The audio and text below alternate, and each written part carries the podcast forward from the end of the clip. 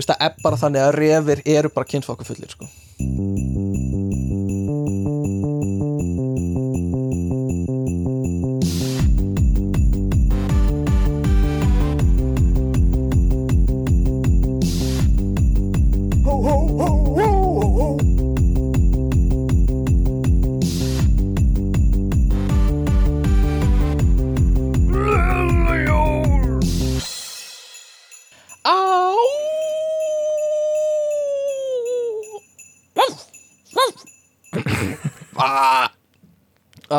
Þetta meiti mig hálsinn ah.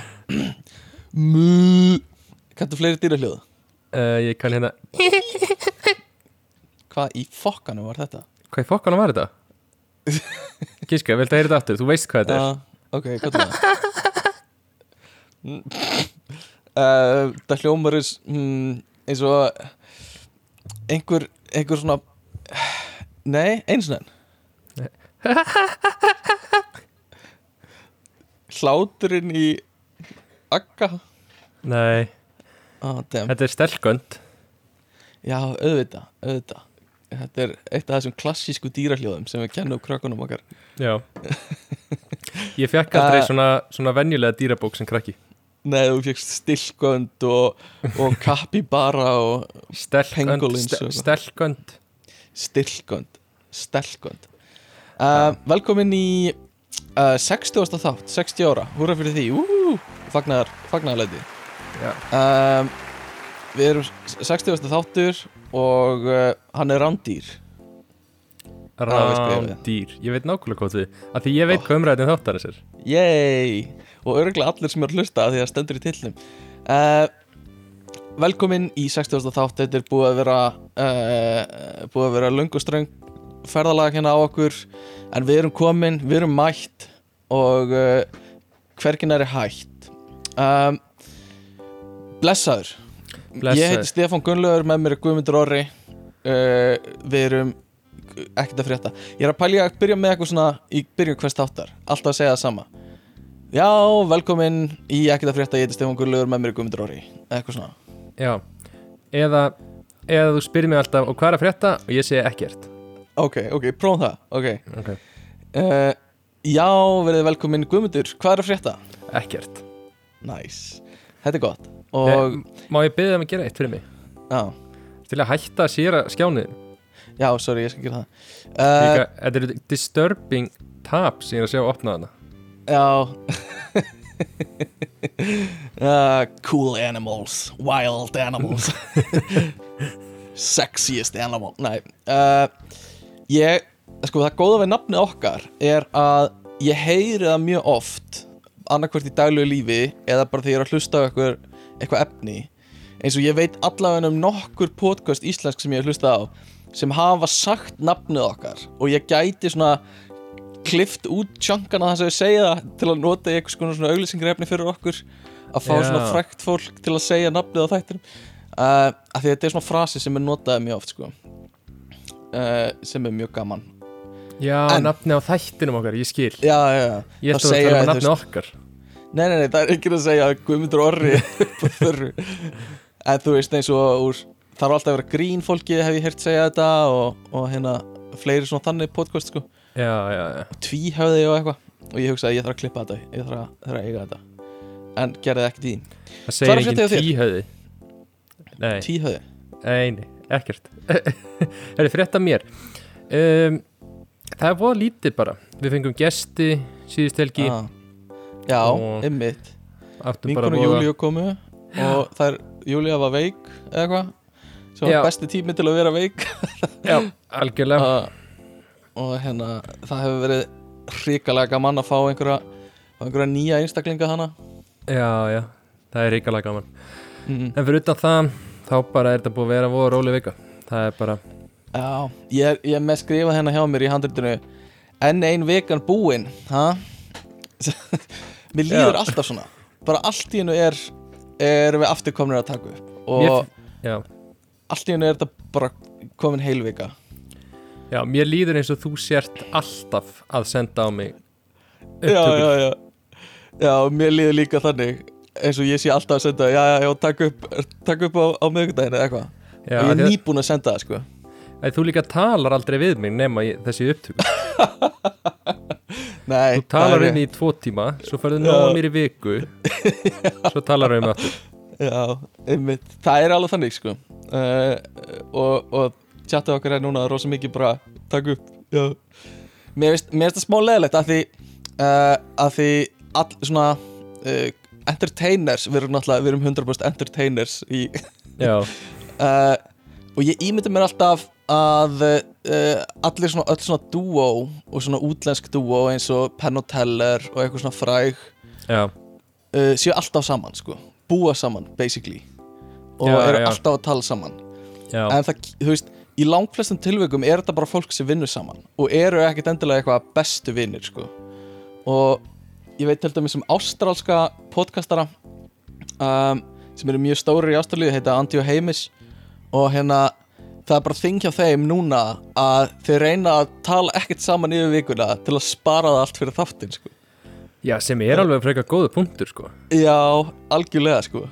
Það heldur þessu svona innihaldsrí eh, Ég veit ekki hvort okkar þetta eru innihaldsríkir En það heldur allavega einhverju í, í þáttunum sko. Já, já, já. Já, var góður gjörs punktur. Það var gjörsamlega hartbreyking þegar ég komst að því að hérna Mythbusters gæðinir uh, sem gerðu Mythbusters eru eiginlega bara ekkert góði vinnir sko. Þeir eru bara eiginlega að fíla ekki hvort aðra Nú vinna bara saman. Í alvöru? Já, þeir ekki, þú veist, ég myndi ekki kannski ganga svo langt að segja þeir hati hvort annan Já. En þeir eru vist bara, þeir finnst ekki gaman að umgangast hvor, hvor aðra sko. En lést hann ekki einn aðeim? mm, Ekki sem ég viti. Held ekki. Það er einn svona Adam Savage og hinn heitir Jamie Exlace og hérna Já, er- svo eru hinn tvö. Jú, já, jú, jú, jú, a, jú Einn af þessum auka, jú, Handó Já, en hann, já Kallar látin mann auka? Já, eiginlega uh, Bara með fullri virðingu auka. Ég bara, með mjög virðingar fullt auka. Ertu að segja mér Uh, ef að ég myndi núna fa falla frá á morgun? Mm. Já, þá myndi ég 100% segja að einhver svona auka karakter í podcastinu mínu var að deyja Svo myndi ég bara halda áfram. Gott að veita það, ég er myndi að setja saman ammalis bóðslistar minn. Já, uh, já, já, bara Ég skal bara mæti í eitthvað aukapartí sko. Uh, með, Það er eitt sem við þurfum að fara yfir árunum höldum áfram sem er mjög mikilvægt. Okay. og það er, ég sett inn skoðanakönnun á Instagram Já, fyrir skreitingarnar sem þú ert með heima í þær já, og ég spurði e, finnst þér Guðmundur vera að skreita of snemma? Og ekkert tengt gæðum skreitingana því þetta er vel skreitt sko. Það eh, fer ekkert á milli mála en er Guðmundur að skreita of snemma. Sest, svona rúmlega miður november sem þú byrjar að skreita er, já. Og uh, svona einhvers sem í september byrjar þú að skreita og nei, þú, já, þú byrjar 20. november og þetta voru afgerandi niðurstur gjörsamlega afgerandi niðurstur Það hlakkar í þér, mér gruna hvað svarið er. Já, já, já annarkvort borða ég hattin minn eða, eða hérna eða þú viðkennir að þú skreitir að snemma. Þannig að niðurstöðu fólksins voru þannig að 80% sögðu að þú hefðir skreitt of snemma heima þér. Nei, ég trúi því ekki.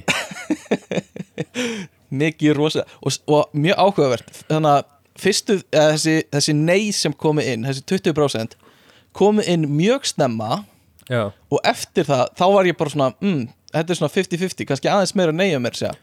Og svo byrjuðist að hrannast inn jáin sko. já, já. Þannig að það er spurning hvort að fólki sem segir nei notar Instagram meira sem er áhugaverð svona sálfræðileg uppgötun sem við gerðum. Já, þeir sem nota Instagram mikið þeir eða þau skreita snemma já og hafa rátt fyrir sér oftar. Mjög áhugaverð uh, Já, þú veist, ég ætla ekki að verja þetta. Ég bara, þú veist, ég veit að þig langar Þú ert núna að horfa jólasýruna mína í bakgrunn. Uh, já, Þú vildir að þú hefðir jólasýru fyrir aftan þiluna já veit ég er bara með eitthvað bækur fyrir aftan mig sko. Um, Show off. Show off. Uh, ég vil lesa þær allar. En uh, Ok, nei, stöldur með þessi það. Ok, Bækjönda fyrir aftan þig. Það alltaf sér enginn, það er bara svona, ég get ímyndað ykkur þrjár billi hillur tróðfullar af, af bókum. já, já, þetta er bara þetta er, bókstælega fullt af bókum. Hvað heldur þú verið lengi að lesa þetta? Þú lest náttúrulega mjög hægt. Já, En ég les hægt sko. Já, um, Ég myndi segja erum við að tala um bara af, bara, bara af stanslösum lesti? Bara ó segjum að ég þurfa ekkert að sofa og þurfa ekkert að borða og er bara að lesa. Já og þú verður ekkit þreyttur Þú bara, þú veist. Ok, ok, ég væri svona uh, ég væri ein, einhver þúsundur klukkutíma. Held, En, já, heldur þú verður ánæðari nei uh, ég væri kannski kannski íhugli en ég væri örglega ekki ánæður Já, uh, ég held að það sé bara því meira sem veist um heiminn því, því minna ánæður verður er það ekki Eh. þannig? jú. Þetta er heimsbyggi bara þarna.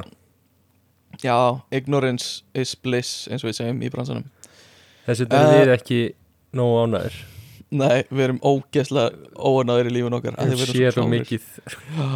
Klálega, við hefum hort á mikið af TikTok miðböndum uh, Sko Það er eitt sem ég langaði að koma sem ég lendi í í vikunni. Já. Ekkert merkilegt eins og allt sem við tölum um. Uh, Nú er ég útskrifaður og uh, það hafa allavega þrýr á sí, síðustu viku að svona reynd að pitcha einhverju svona business hugmyndum við mig. Já, það uh, Já, eitthvað svona við erum að, við erum að og ekki sagt að beint út sko, heldur bara svona svona í að, að því með eitthvað svona við erum að leita við erum að leita að einhverjum til að gera akkurat það sem þú ert að gera. Já, og þú veist og svona, svona falið að baku rós sko. Já, og þetta eru algjöra típur svona business svona sem eru alltaf að leita að businessum og eru með sjö startup nú já, þegar já, og eru alltaf að leita að einhverju nýju og að gera eitthvað nýtt. Og þetta var einu sinni gerast í ræktinni bara á versta tíma vegna þess að þú veist það var einhver fáránlega hávært svona techno ræktar tónlist í gangi og hann var eitthvað svona já hefur eitthvað pælt í þessu? Ég er með þessa hugmynd. Og var að pitcha eitthvað svona business fundu við mig í Já. ræktarfötum og með ræktar tónlist og eitthvað svona öskrandi basically á mig hvað hva var að pæla uh, sem verður svona ekki kannski ideal fyrir svona um, en hérna Og ertu Já. með honum núna í verkefnið? Nei Nei uh, Hann er með svolítið Hann er svona, hann er svona típa sem hérna uh, sem, Svona típisku business kall sem er með rosa háleit markmið og hugmyndir eitthvað svona segjum bara VR, búum bara til VR sem er með þessum og þessu, getur gert þetta og þetta, þetta en Já, skilur já. ekkert hvað beint hvað er hægt og hvað er raunhæft og hvað hérna make a sense að leggja vinnu í að forrita. Og er með bara svona, þetta er svona dreamer sko. Já, uh, og er bara, við þurfum bara réttu heilana í þetta. Hann sagði þetta sko. og við þurfum bara rétta heilan og, við, og ég er að leita að svona að fólki svona, eins og þér, eða eitthvað svona. Og uh, uh, og, ég er ekkert vissum að viti nákvæmlega hvað hann vill sko. ég held Nei. að hann vilji bara vera í business sko. Þannig kannski hugmyndin yfir höfuð þarf bara rétt að heilan já, örgulega bara til að móta hugmyndinu fyrir hann sko. En mér líður nefnilega eins og sko, að þegar maður lendir í þessu mm. þá líður mér eins og nútíma forritarar eða, Já. þú veist, já, segjum forritarar Mm. Mér líður eins og þeir séu svolítið svona þetta er svolítið list, eins og listamenn hafa alltaf verið í sér stöðu já, svona eins og svona eins og við þurfum ekkert að fá greitt fyrir það sem við gerum heldur. Við þurfum bara að taka það sem við veitum tími að læra og við séum bara tilbúin að fá hugmyndina frá einhverjum öðrum og vinni Já. að dútli henni. Já, já. Og að við tökum hana upp sem einhvers konar svona uh, já, að þetta verði eitthvað passion project hjá okkur sem er hugmynd einhvers annars. Já, sem er bara, sem er svona smá galin hugmynd sko. Já. Uh, já, mjög góð punktur sko uh, þetta, þetta er svona eins og listamenn skilur, þetta er eitthvað já, svona já, býtu, hvað meinar þú, ertu ekki þarftu eitthvað að fá greitt fyrir að spila lögin hérna já, í brúköpuru einmitt. mínu finnst þér ekki gaman að teikna? ég held Já. að finnst þér gaman að teikna. Akkur þýttir að gera logoðu mitt já, já, það er svolítið þannig. Og það, það er svolítið svona pitchin sem maður fær er oft bara svona uh, einhver svona hálfbakar hugmyndir sem er bara eitthvað svona þetta er geggi hugmynd og Já. hérna við þurfum bara svona þetta er verkefni sem er kannski 300 manna verkefni en, en þú, ég held að þú getur rettað þessu bara. Eitthvað svona bara, þetta er svo góð hugmynd. Uh, en, Bara- en það er all, alltaf gaman að hitta svona drýmera sko. Ef að fólk myndi bara skilja hvað vinnan vin, sko, hvað vinnan okkar borgar okkur mikinn pening fyrir að gera Mhm. lítið stundum mm, í valjúi þá myndi skilja þetta betur þú veist mm, þú, get, þú getur stundum verið í vinninu og það er kannski verið að borga þér vikulaun já, fyrir, þú veist mjög lítið valjú á endurum af því að þú eittir úrslega miklu tíma í bara eitthvað að finna Já. út úr því og prófa og þú Mhm. veist svona allt úrslega sko. hægt ferli og svona algjörlega sko þú veist, oft, og sérstaklega maður að byggja eitthvað frá grunni í svona forröðun þú veist, þá er bara þá er bara ógislega mikil vinna bara í eitthvað svona gröndvörk bara svona læra á, á þetta og þetta og þetta og, og eitthvað svona sem tekur ógislega langan tíma en skilar eiginlega yngu allavega svona í byrjun. Algjörlega sko. Um, allavega uh, eitthvað sem þú vilt tala um núna? Eitthvað sem þú vilt bæta við? Uh, nei, ég Nei Æ, mér Ok. langaði að segja eitthvað meira. Ég Já. hérna Jú, heyrðu, ég, jú, að ég ætla Ég nefnilega fór síðustu, síðustu föstu var ég í svona partí með vinnunni. Mm. og þá lendi ég mynd í þessu nákvæmlega sama. Já, ok. Og þá er ég með fólki sem er samt að vinna með mér. Já, þú það er mjög fyndið. en það er samt með hugmynd að því Mhm. hvernig ég og það getum eitthvað svona teikt okkur út fyrir og fyrir að vinna í einhverju svona hugmynd sem þau eru með. Þú veist, Það það er sum, bara Já, sumir eru bara, eru bara alltaf aðna já, alltaf sko. Og þú veist, þú veist, þetta er mér svo vinnustöðuna mínum þú veist, Já, ymmit Algjörlega, ég lendi í, bara uh, í hérna bara tengdu verkefni sem ég er að vinna í í vinnunni er bara var bara gæi sem ég er að vinna með sem bara einmitt approachaði mig og bara Já. hérna við þurfum að gera þetta business sem er Já. bara eitthvað svona akademíu tól sem ég er að vinna í sem átti bara að vera frítt fyrir akademíuna og hann bara, hvernig getum við gert þetta að okkar business, skilur við já, já, já. Uh, sem var, og þetta er bara svona þessi típa af business gæjum sem hérna sem businessa bara yfir sig sko.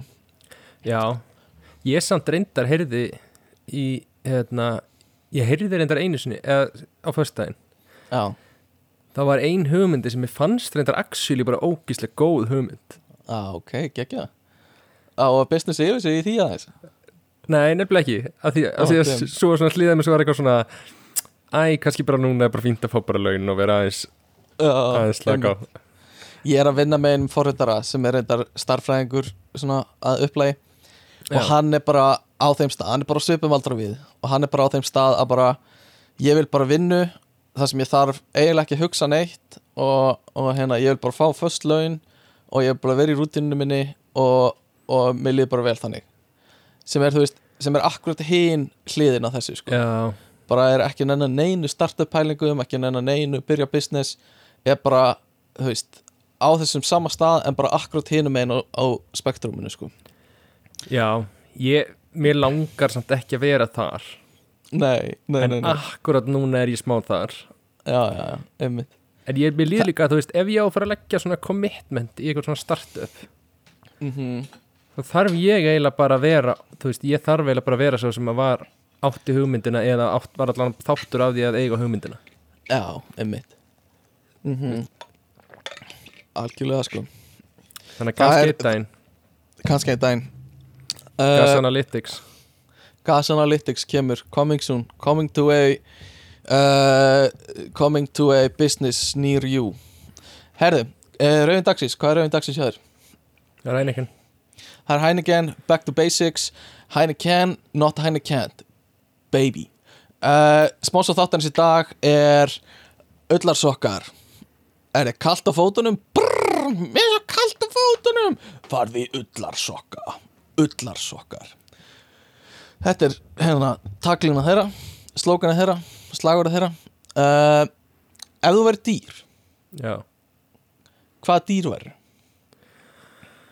Sko sko, já þetta er svolítið svona ég held ég verið til að vera eitthvað ógislega hlutlust dýr nefnilega. Ég verið til að vera bara Ok. dýr sem hefur það bara ógislega fínt. Köttur, það er bara fyrsta sem þetta er í hug. Er það? Kísi, já. Þetta grínast? Finnst þið kettir hafa betra en hundar? Já, að því leita er gera nákvæmlega það sem þeir vilja nákvæmlega þegar þeir vilja. það og ef þeir vilja sofa í 19 tíma á dag þá sofa þeir bara. Og hérna, þú veist, það er engin ein, engin svona pressa setta á þau minn eitt Ok, væri þú helduru hamingjusömmur í lífinu ef þú fengir að Mm. sofa 19 tíma á sólarring að þú vildir það? Það verður engin pressa að þig fyrir neitt. Já, Að uh, ég veit það ekki. Nei, kannski ekki, en ég var bara að hugsa eitthvað svona gjörsamlega hlutlaust og svona munaðar vera sko Kettir eru svona munaðardýr eða bara tími að sleikja sig þeir vilja og bara þrýfa sig og, og hérna bara borða þeir eru vilja og eitthvað. Váður bara lýsa mest spennandi dýr í heimi. Þeir eru ég held þú vildir ég held þú vildir hlutlaust dýr fyrir ekki, komdu en með ekki til að sleikja mig allan daginn og sofa. Ok, ok, ok. Ég, hérna, ég vissi ekki að ég myndi, myndi móðga þess Nei, ég var að hugsa eitthvað eins og mörgæsi eða eitthvað Já, emmitt, sem En- þarf að standa á norðupólnum í, þú veist át, átta mánuð að býða eftir einhverjum kalli sem er að koma að æla upp í ungana þeina að hljóma vel. Nei, ég meina, a- akkur er þetta að selja mörgæsir svona miklu Já. verra en ketti? Sorry, ég sagði norðupólum, það er á suðupólum um, Ég vildi leiða þetta.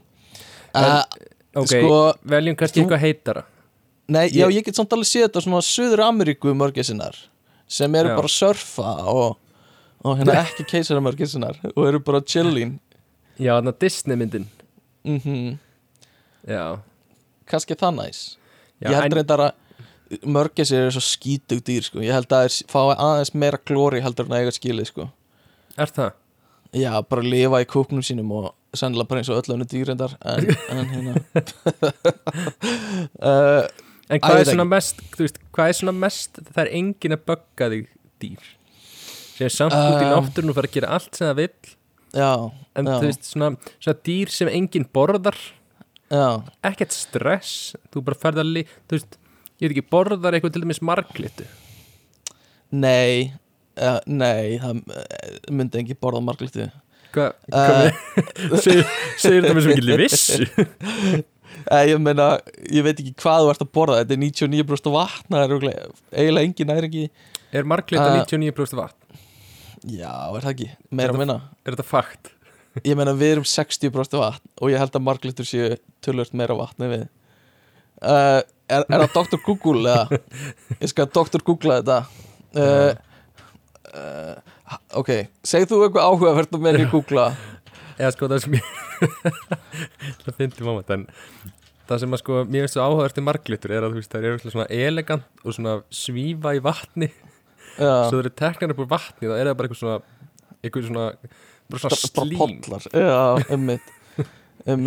og þú veist, ætli, að því að marglitur ef þú tekur upp úr vatni, já, nú er ég svolítið en mér líður svo þyrstum eitthvað svona sérfæðingadýrum til að ég geti verið með þessu pælingu. En já. þú veist, ef að marglitur tekin upp úr vatni mm. Og þú setur, þú veist, hún deyr ekkert bara. Nei, sannlega ekki. Þú getur alveg sett hann aftur hún í vatn. Já, veist, eftir einhvern smá tíma. Mm -hmm. þú veist, hvað ætli sé svona tilfinningin hjá marglitu fyrir því Mm. að vera tekin upp úr vatni? Uh, Örgulega bara uh, í, fyrsta leið örgulega engin af því þeir eru örgulega valla með heila uh, en svona ef við setjum okkur í hennar spór þá er bara hvað í fokkanum er í gangi uh, ég er bara komin á eitthvað eitthvað svona tilvista level sem ég bara er ekki tilbúin að skilja. Og líka munir bara fjall saman. Já, já, bara ég er eitthvað hrúa hérna. Þetta er svona eins og ef þú ímyndaðir uh, ímyndaðir manneski sem er ekki með neinn bein Já. og er bara svona, bara svona pollur á gólfinu. Þú, þú myndir örugglega líða smá þannig. Herðu, 95% var ekki Ok. 99 þannig að þú varst, þú varst að vannmeta marglitur á það já, ég meina, ég, íkti aðeins um 4% eða eitthvað. Ég, ég vil nú alveg minna að þetta sé inn á skekkjumarka. Uh, en dýr, já, ok gummið marglita mm, en þú?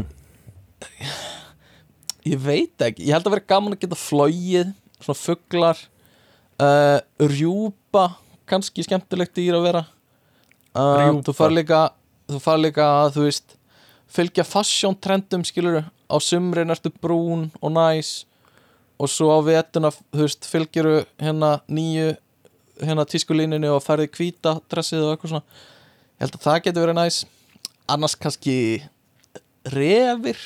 Ég held að þeir séu svolítið frjálsir og hafi það gott. Um, mm, mm, mm. Þú vilt svolítið vera skotin, eða ekki? já, ég, já, ég vil að fólk reyni að skjóta mig. Já og ég er svona rétt næ að sleppa þetta skotinu En væri freka til að vera refur heldur en bara tófa til dæmis? Samilutur spurningamarki, Nei, ertu viss? já, já Ok, Dr. Google Ég meina uh, tófa sko, tófa náttúrulega til dæmis er með svo ógislega stóra afturlappir sko hún getur hlaupið hraðar upp fjall heldur en niða Já Finnst það ekki já, nett, já. eða? Jó Herðu, heimskautarefur eða fjallarefur einnig nefndur tófa eða refur á íslensku? Nei, Jó, þetta er, þetta er allt allt sami hluturinn. Við vorum með hangandi upp á vegg upp í sveit uh, ref lengi svona refaskinn. Uh, og hann var alltaf létt creepy og ég var alltaf svolítið hrætti við hann þegar ég var yngri að labba fram hjá þessu. Þannig að uh, refur, já, kannski uh, svo er örugglega ekkert slæmt að vera bara hundur sko eða eitthvað svo leiðis pandabjörn kannski, það geti verið næs. Og bara, bara öll, þú veist, bara lífið snýst út af það að bara, þú þarft að borða eins mikið gras og getur. Já, bara, uh, ef þú borðar ekki ert ekki að borða í, þú veist, 19 tíma á dag þá ertu bara að rýrna á dyrð.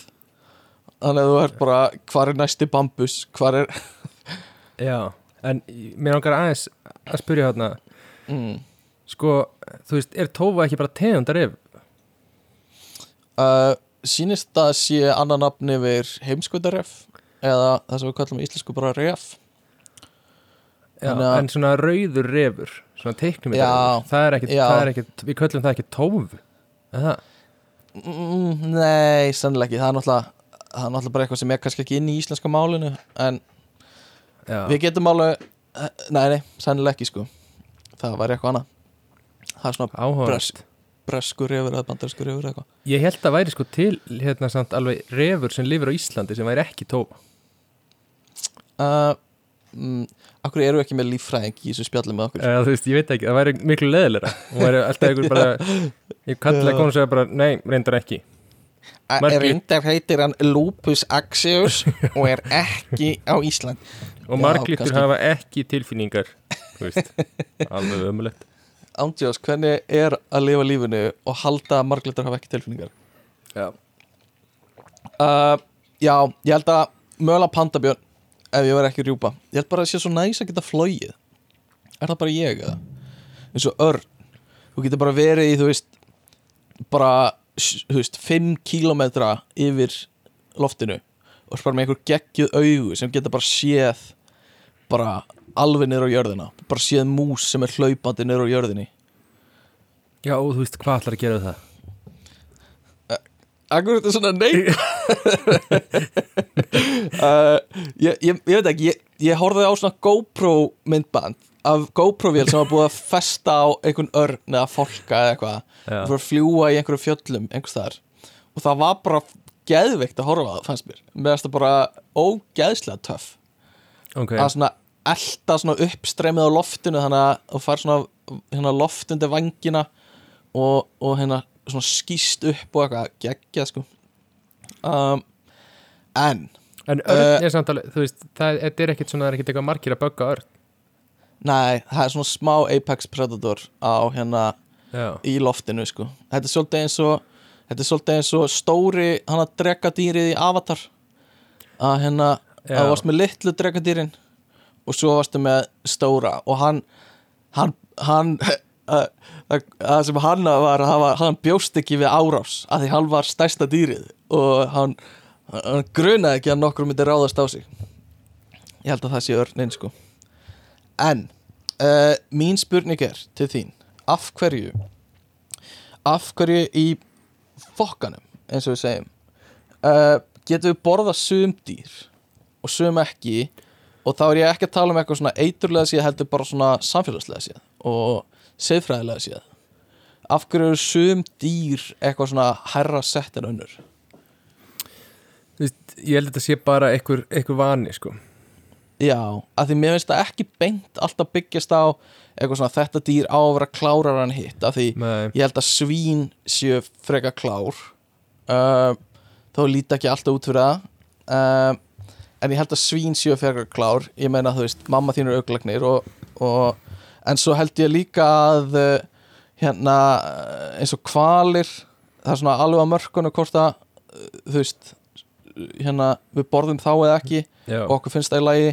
Uh, þú veist, okkur finnst ekki í lagi að borða hunda þó að þeir geta verið mjög heimskir eða mjög klárir. Já, okkur finnst það ekki í lagi. Nei, nei, nei, nei. En það er fólki sem finnst það í lagi já, en ég er að hugsa, þú veist, af hverju finnst okkur það ekki í lagi? Og af hverju finnst okkur í lagi að borða seli? Uh, Því að þú og, veist, okkur myndi ekkit finnast í lagi heldur að borða kindur eða væri bara annarkvært heimili með kind bara eitthvað.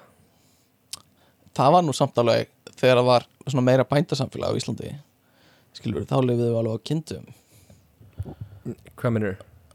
Æ, ég meina, það voru allir með kindur á, á bæjanum sínum fyrir svona 100 árum eða eða Já. 150 árum eða eitthvað Já, ég Það ekki? jú, en ég meina til að drepa þér Já, já, já, en kvalir, skilur Mörgum finnst ekki lagi að, drepa kvali Er Nei, það er það ekki bara það- útrýmingahættan eða? ég, Nei, ég held að það sé alveg hægt að hugsa þetta þannig að þú sérst að ge, þú veist, bara svona hérna uh, svona aðeins að trimma stopnin, skilur, það er alveg og það er engin endilega að fara að deyja út af kvölum, sko, þó við veiðum þá. En það er kannski sjónum með að sko, hvernig við drepum þau. Já, þú veist, að drepa kvali er svolítið brútal dæmi, sko. Já, þú veist, þú bara skýtur í hann einhverjum nokkrum svona spjótum og svo bara basically dregur hann í land, sko. Já. Samt sko eins og okkur finnst það leiðlega við að fiska. Já, já, En pappi er rosa pappi er rosa mikill talsmaður fiska þegar kemur að því. Pappi er, þú veist honum er svona þannig sé alveg sama hvernig við dreipum kindur og kýr og eitthvað. Mm en honum finnst svo ómannulegt hvernig við dreipum fiska já, það einmitt, að við, að við hérna, veiðum það í net og svo hýfum við það svo rætt upp og þrýstinsbreytingi veldur því að mægin kemur út um eitthvað svona allt þetta. Oi, ég haf aldrei pælt í því. Já, einmitt, einmitt. Það er alveg gott sjónum með. Hefur hefur veitt fisk og stöng og drefið hann? Já, já, finnst þið það hvernig, hvernig myndir þú gera það hvernig myndi ég gera það? já, Hvað meinur, er það ekki bara að tala um að rota hana? já, já, já Hvað er það eitthvað að tjekka á mér hvort ég hef ekki veitt fisk? nei, alls ekki, ég er ekkert að tjekka Hvað er að veiða? Lýstu því Mm. fyrir mér hvað er að veiða hvernig hnút setur á stengina hérna uh, nei ég er bara að hugsa að þú veist þar uh, þú veist rótamaður Já. fyrst og sker svo þú veist á tálknin eða eitthvað til að drepa þá.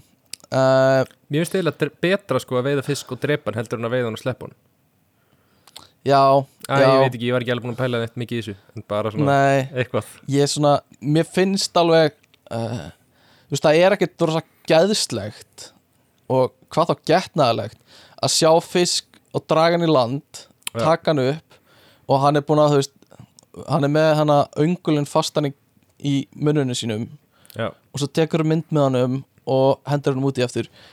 Ég veit ekki, kann, það er sennilega skára en að drepa hann eða þú ert að pæla eitthvað í því. En ég meina, þú ert samt alveg svona þetta er alveg að pinta Að- hann. út alveg að pinta hann, sko. Ógæslega Um, þreytt ef þú veist ef maður myndi lendi í sjálfur. Mm, að býta í eitthvað heima þér. Já, og svo allt í næstu bara dreyin á kinnin eitthvað já bara til uh, einhver takki mynd með þér um, segjum bara að sérst að lappa í hérna síðumúlunum og þú bara, mm, þetta er næs croissant sem er hérna. Ég ætla að fá mig bita af þessu croissanti sem er á þessu þessu bekkjana og býtur í croissantið og þá er alltaf einu bara eitthvað gæi sem, sem er bara að toga í kinnina þér. Já, og dregur þig bara upp í mjóttina S- tekur mynd af þér já, og sleppir í mjóttinni já, hann sko, hann dregur þig í hérna uh, hann dregur þig í nautólsvíkina treður þér onni vatnið tekur mynda þér onni vatninu og hendur þér svo að bakka hann aftur.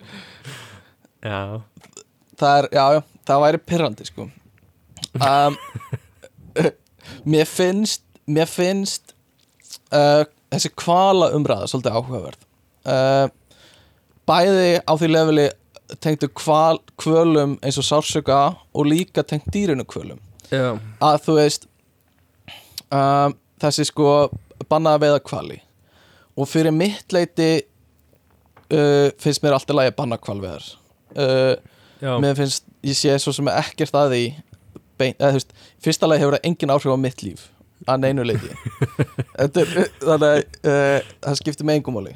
Í öðru lagi þá sé, skil ég alveg sjóna með að hérna þetta er ómannulegt og það er eitthvað sem við sjáum mikið í svona dýrahaldi hvað er margt ómannulegt í því sko. Og, og hérna við getum farið með það bara út í mjög siðfyrirslega pælingar sem við veit ég hvað nefnum að gera. Uh, Getur við En- farið með það út í mjög siðfyrirslega pælingar? Já, ef, ef við viljum. En hérna en það sem ég skil kannski ekki eða svona ég þyrfti að fá betri útskýringar á er þessi tengslu að kvalir séu eitthvað æðri öðrum dýrum sko? Að veist, það er eitthvað sérstætt að gilda um kvali út af því að þeir eru kvalir um, og ég veit ekki hvort að það á að vera af því þeir eiga að vera gáfari af því ég sé ekki alveg þú veist, dýr eru dýr. Ég er ekki alveg að sjá að einhver dýr sé með meiri svona meðvitund heldur en sérstaklega af, af spendýrum sko. Já, meiri meðvitund heldur en önnum spendýr sko. Uh, og eitthvað svona meiri ég veit ekki hvað maður á að segja mannlega eiginleika eða eitthvað svona eh, eitthvað þannig. Já, þannig að þú veist ég skil bara svona almenna dýravendurna þú veist sjónum með en, en ég er ekki alveg að tengja við þú veist að, að kvalir séu eitthvað svona special case. Nei. Ég, uh, ég, ég er með business hugmynd fyrir því ok, þú, já. Hvað segir um að þú hættir núna í vinnunni? Á, og ég og þú, mín hugmynd Já. samt en að þú Já. komir með mér í það. Og þetta er tól sem getur greint hversu gáfaður kvalur er. Vá, geðveikt. Herri, ég þarf að fara með í lespróf og hendir einhverju bók út í sjóin Já, við getum gert eitthvað svo leis Mér finnst þetta að kvalir eru ógíslega töff dýr. Uh, og sérstaklega svona þegar þeir eru að öskra sín á milli sko. Já, eitthvað svona. Býtu, og það heyrist hvað var þetta? þetta var eitthvað kvalur hérna út í faxaflóa sem þú varst að heyra í. Wow. sem heyrir í bara einhver svona 40 kílómetra í burtu. Já, en þú veist, þetta er samt skilur, ok, þetta er eitthvað hljóð. Þú gefur frá hljóð, þú ert líka fucking huge þannig að þú getur gefur frá hljóð Já, já, við getum gefið við kvalinir svo er búin til eitthvað svona romantísk saga. Eitthvað Mhm. svona veist, eins og þegar, þegar sagti mann fólk að eitthvað dýr velji sér einn maka mm, og sé einmitt. með honum alla ævi ef hann týnir svanir. þá eyðir hún restina lífinu í að kalla þennan maka. Já, svanir til dæmis. Þá eru við bara, þá eru við seld. Þá eru við bara, herri, Já, ég, ég bara ef við myndum segja þess að sögum um kindur þá væri við bara, enginn myndi borða lambakjöt. Engin myndi borða lambakjöt, það er hárið Það er mjög erfitt að segja þetta kindur að, að því hrútan er bara að ríða öllu sem sjá. Já, já. það er bara sett á. Þú getur verið Uh, hrútur. Já, gæti verið. Ég veit ekki, það gæti verið gaman að vera svona einhver, einhver vaksta, hrút, vaksta rektunar hrútur eða eitthvað sem er bara settur á. En ja, það er líka svo dýrslegt það svona, maður sér svona mannlega en maður sér svona dýrslega hegðun í mannfólkinu oft. Uh, sem við tölum kannski betur um á eftir en þú veist maður sér oft bara einhver svona spaðar sem eru alltaf að reyna að sofa hjá og eitthvað. það er einhver dýrsleg hegðun í þeirri hegðun. Já. þú veist og, og jammið er bara einhver svona getnaðar dans sem er Já, bara einhver já. svona mögunar eðli mannsins að koma fram já. og eitthvað svona ég þarf að láta á mig þessa lykt og ég þarf að vera í skýrtu sem er sérst þetta, þetta, þetta eitthvað svona já, já, já. og hárið mitt þarf að vera í nakkagreðslu til þess að til þess að laða að hitt hérna, þú veist, einhvern maka eitthvað, þetta er alveg svona þetta er bara svona pjúra uh, getnaðar dýrshegðun sko. Já, og svo ertu í svona stráka vinahóp þar sem að þið eru svona þið eru alltaf að fá hvort annan í að drekka meira. Já, og Sigur er já. svo sem getur drukkið mest. Já, já, alfað í hópnum. Hann, bara, hann er búin að hann er búin að setja sig á þennan stað og er gjörsamlega mölvaður. En hann fær samt þess að svona príma svona primal tilfinningu um að hann sé Já. höfðingin og er bara að byrja að tapa þöglum all og bara ég er fucking alfa í þessum hó og bara hann, hann er spaðin sko. ég held að ég held að það sé rosa mikið svona í mannlegri hegðun sem hérna sem er bara byggt inn í okkur og er bara svona dýrslega eðlið okkar að koma fram. Uh, sem er mjög áhugavert þegar við förum að hugsa um gemverur sko. Ég fór með það þangað. Ég, um, að þú veist munu ef við hittum ekkert sem að gemverur sem eru svona vitsmuna gemverur verða þær með þessa sömu svona dýrslegu hegðun og við eða verða þær með eitthvað allt annað dót sko. Uh, þú veist, að því er þetta eitthvað sem verður bara á jörðinni uh, eða er, þú veist eru geimverur sem er að, við erum að fara að hitta eru þær að fara að vera með, þú veist þessa sömu tendensa og, og eitthvað svona alfa, vilja vera alfað í hópnum og eitthvað svona. En hvað, hvað heldur að væri svona þú veist, ef við segjum svarið sér nei. Mm. Hvað væri svona eitthvað annað þú veist, þú veist, eitthvað svona það fyrsta sem hann dettur í huga er bara eitthvað svona lógík. Það er bara allt byggt á því sem því sem, þú veist, make sense lógíst séð. Og þá, þá erum við að skera út þessar tilfinningar og við erum líka að skera út einhverjum svona tendensa sem eru ósjálf eitthvað svona uh, sem eru sjálfkrafa gerast hjá okkur á þess að við hugsum um það. Skilur þetta sé meira bara eitthvað svona uh, tilfinningalaus vera sem hugsar bara í lógískum hlutum eitthvað svo leiðis er það fyrsta sem ég dettur í hug sem, en kannski hittum við gemverur og hérna, mér svo fyndi að við séum konið þangað en kannski hittum við gemverur og þau eru bara með mjög svipaða tendens á við sem þýðir bara að þú veist þróun að saga þeirra er á einhverju leiti svipuð á við skilur og þau fóru Já, í gegnum já, já. einhver svona þurfa að leita sér að maka og eitthvað svona. Uh, skemmtilegt, allavega. Ég veit ekki hvað uh, ok, sjáum hvort við endum aftur á geimverum einhvern tíma seinna í þættinum, það verður mjög áhugavert. Uh, skál skál fyrir þér.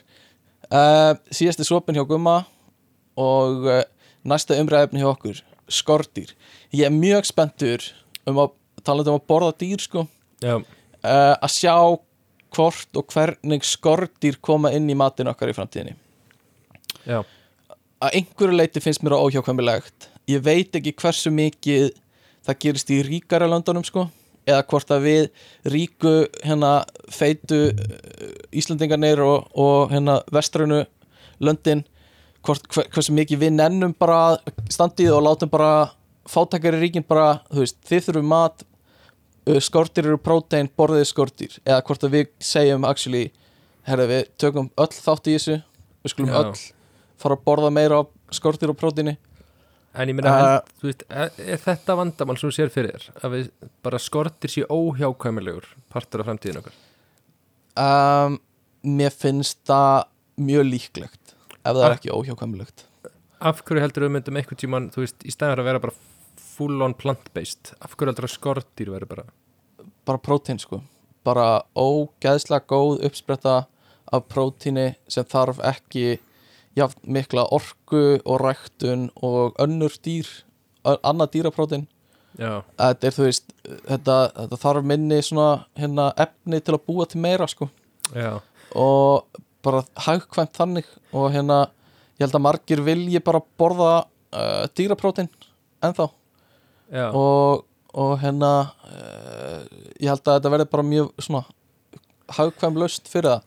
Var ekki fyrir, fyrir nokkrum árum búið til svona skortýra próteins súkulegst ekki ykkur? Já, ég, mér rámar í þetta líka. Ég, ég, er ekki frá því að ég hafi smakkað þetta og bara held að þetta hafi bara verið í besta lagi sko. En uh, en ég held að þetta muni mögulega verða svona stærri stærra í menningun okkar sko.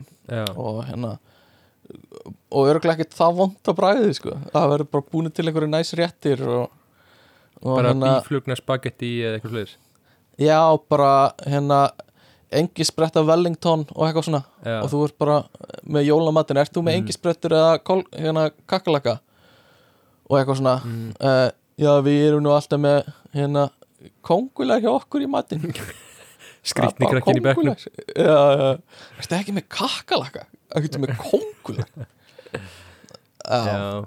þetta er svona sama, sama típa og var alltaf með reyndir Er, það, er Um, það samt ekki sko Er það ekki meira elevated eða?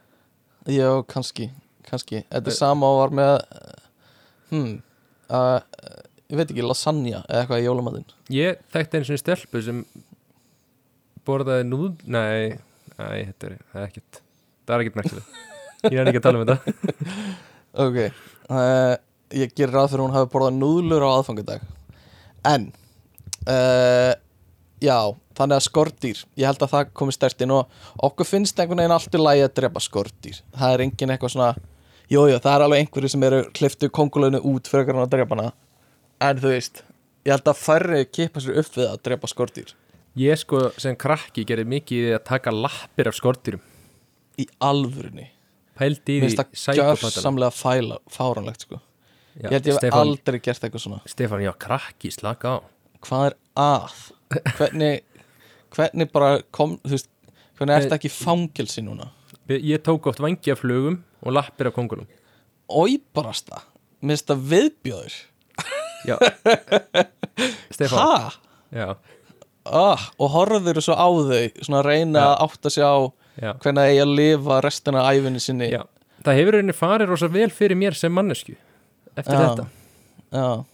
Ég hefði haft áhyggjur sem fóreldrar mínir á þeim tíma sko Já, þú veist, bara stuttir og glíða og fyrir að gera þetta við önnur dýr, bara ketti og eitthvað sem finnir úti. Já, en svo náttúrulega byrjaði ég í leikskóla og reyndi að taka lappirnar af nokkrum og fatta að ég Uh. hefði ekki kraftir í það. Nei, ok. Heldur þú gætir það núna? Ok, segjum Þú hefur bara bara þinn líkama. Já. Heldur þú getur tekið lappir af þryggjar á barni? Uh, Nei, en ég held að þú getur það. Heldur það? Já, Hvernig heldur það að vera best að gera? Standa á höndunum og svo reyna svona að, að kippa upp fótunum? Nei. Eða- Ég held að veri best sko að spenna lappirnar í sundur. Já, og, og svona Já, svona eins og verður að og opna brjóta kalkún. liðin. Já, Já, og brjóta liðin já, og, og, reyna að ná þessu mm, Já, og byrja að tvista, það er endar Ok, ég held þú sért með þetta þannig Ég held að þetta sé rétt að leiðin til að brjóta fætur af, af þryggjar á barni Opna liðin, þannig að brotnar Tvista fætur um þannig að húðin slitna af. Ég held að fáum vöðvarnir. aldrei spons. Nei, sennilega ekki. Sennilega ekki. Þú ert allan líka með atvinnu rekanda sem talar ekki íslensku. Ég þarf að díla við það einhvern tíma nema atvinnu ef maður með hlustar á þáttinn. En þá getur Um, alltaf komið til mín bara. Já, Það ég þetta alltaf afneitaður. farið út. Já. Uh, Sko, gæludýr Akkur eru sögum gæludýr gæludýr og akkur eru gæludýr ekki gæludýr? Um, Þannig að uh, mín pæling er uh, gæludýriðin uh, er alveg saman þau og ef þau gætu og þyrtu þá myndu þau drepa þig. Uh, Kettir, já. Já. Uh, og ég get byrjað til dæmis á kettinum köttum Þetta gildir náttúrulega um alla kettin nema minn kött þannig að, að það sé á hreinu. Minn Já. köttum myndi aldrei gera en aðri kettir uh, segjum að þú allt í einu myndir lendi í einhverju svona 90s mynd og, og minka niður í svona músastærð eitthvað slags ég held hygglust að kötturinn myndi drepa þig þó hann fyndi lyktina þér. Skilur ég meina við sáum bara hvernig fór fyrir stúart litla. Já. Alltaf brjálaðislega vel pródusera heimildamind Já, uh, based on real events. Já. Það er ógeðslega góð mynd. Bara, bara sem side note, við skulum ekki mm. ekki tala Mm. Nei, nei, En það er líka þarna Hvort- Honey I Shrunk the Kids. Hérna það ekki? Já, ég er að tala um Já, já, algjörlega. Það, Svona það sem ég er að vísi uh, Já, já, en þú veist líka bara maður heyrir oft sögur af eitthvað svona í fyrsta lagi fólki sem vaknar við það að hundur þeirra er bara naga andlitið þeirra. Já, já. Uh, og líka þú veist að þú dyrð að þá er mjög stutt í að dýrin gældurinn fara að borða þig eftir að þú dyrð bara upp í rúmi eða eitthvað og enginn fattar að það er þar. Uh, en af hverju finnst okkur samt svona næs að eiga gældir? Uh, og ég held að sé lógiskast, lógisk, lógiskast að byrja á hundum því líkir aumingjar sem hundar eru. Nei, nei. Nei, Ha. Þetta eru bara einhverju auðmingja Þetta eru bara úlfarnir sem voru ekki nóg hérna nefndi ekki að veiða sjálfir og eitthvað svona fengu smá mat hjá einhverjum einhverjum frumbyggjum af mönnum einhver staðar. Uh, og eitthvað svona mm, ég nenni ekki að veiða neitt sjálfur, ég ætla bara að borða það sem hann lætur í mig. Og svo, þú veist, heldur hann áfram að þróast og heldur áfram að þróast og veiðir minna og borða meira. Og svo ertu allt í hennu komið með eitthvað chihuahua rottu skilur hvað auðmingjar já. Eða þú veist, sko Já, það, þú varst að segja þetta þá fyrir að hugsa svolítið svona, já, veitu, hvernig hvað er við mannfólki? mm. Núna sko nennum við ekki risastór meiri hluti af okkur, nennum við ekki að veiða okkur til matar. Nei, satt. Og þeir sem veiða til matar, þeir gera Já. þannig að þeir rækta matinn sinn og geima hann inn í búri. Á, þannig að þurfi ekki að gera neitt nema að drepa hann. Reyndar, þetta er mjög góða punktur. Við erum basically ornir hundar uh, og við vorum úlfar áður sko. Já. Þetta er góða punktur. En sko, sko hundar eru samt Ok, tökum aðeins ketti. Já, tökum kæti Þú veist, kötturinn getur sagt mér Mm. eitthvað. Eitt, þú veist, eitthvað sem kötturinn gerir fyrir þig mm. sem er ekki fyrir hans sjálfan. Stundum hefur hann komið með fugl inn á gólf til okkar og leift hann að blæða út á stofugólfinu. Þú getur ekki sagt að það sé ekkert virði í því. Stundum Já. kemur hann með hann upp í rúm til mín og segir sjáðu hvað ég veiti ég hef einu sinni fundið fuglin í herbyggi sjáðu hvað ég veiti fyrir þig. Ok, þú veist, já Heldur að ma- sé heldur að heldur að hún sé að koma með fugglinn fyrir þig þetta er svo skemmtileg spurning að því uh, mér langar ókslega að segja já sko.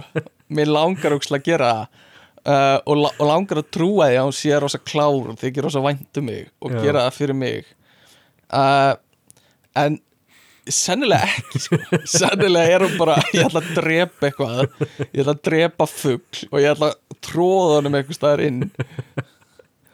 Uh, en, en svona, það er skemmtilega að hugsa að hún sé vill ekki ég verði svang, svangur. Passa að verði ekki svangur. Hann vill öruglega borða einhverja lóu sem ég fann hann, er öruglega svo mikið til í að borða einhverja hráa lóu En hefur þið séð lóu inni hér? nei, reyndar ekki veit Eitthvað svona skóa þröftur, eitthvað bjöklasa já, eitthvað, eitthvað svona B-klassa fugl við erum ekki að fá A-klassa lóur inn í- hingað sko. uh, en, en þess vegna lætur maður líka bjöllur á kettana sína sko. og, og hérna það eru alls konar leiðir til að láta það á veiða minna Pældi hvað, hvað verður þetta pyrrandi Þú veist, þú Mm. hefur eitt svona alveg præmal eðli. Mm, og það er að veiða. Mm Þú veist, köttur er til með bjöllu fyrir ég Já. allt lífið sitt að halda bara að hann bara kunni ekki að veiða. Akkur svona lélugur í þessu. Uh, Já, að pældu líki bara How the mighty have fallen bara frá því að vera eitthvað ljón og tígristýr og er allt í einu bara komnir að veist, sleikja á sér raskandi í einhverju húsi í garðabænum og það sem að fær fisk einu sinni mánu og eitthvað svona, já, Já. þetta er líf mitt. Þetta er það sem við höfum orðið. Uh, þannig að sko, ég er ég dyrka gældir svona langflest, ekki þessi ógislegu skrítnu gældir, við förum í það betur senna, en hunda, ketti þú veist, allt þannig. Já. mér finnst það bara mér finnst það geðveik hugmynd uh, mér finnst frábært að lifa aðeins með einhverju tengdur í náttúrunni. Já, annað en bara fólki uh, að vera upp í sveit að vera í kringu dýr. Ég er bara mikill aðdáðan bara svona dýravinnur um, sko gallin er að líka með minn er það ekki sko. Um, hvað þýð það? ég er með ofnæmi.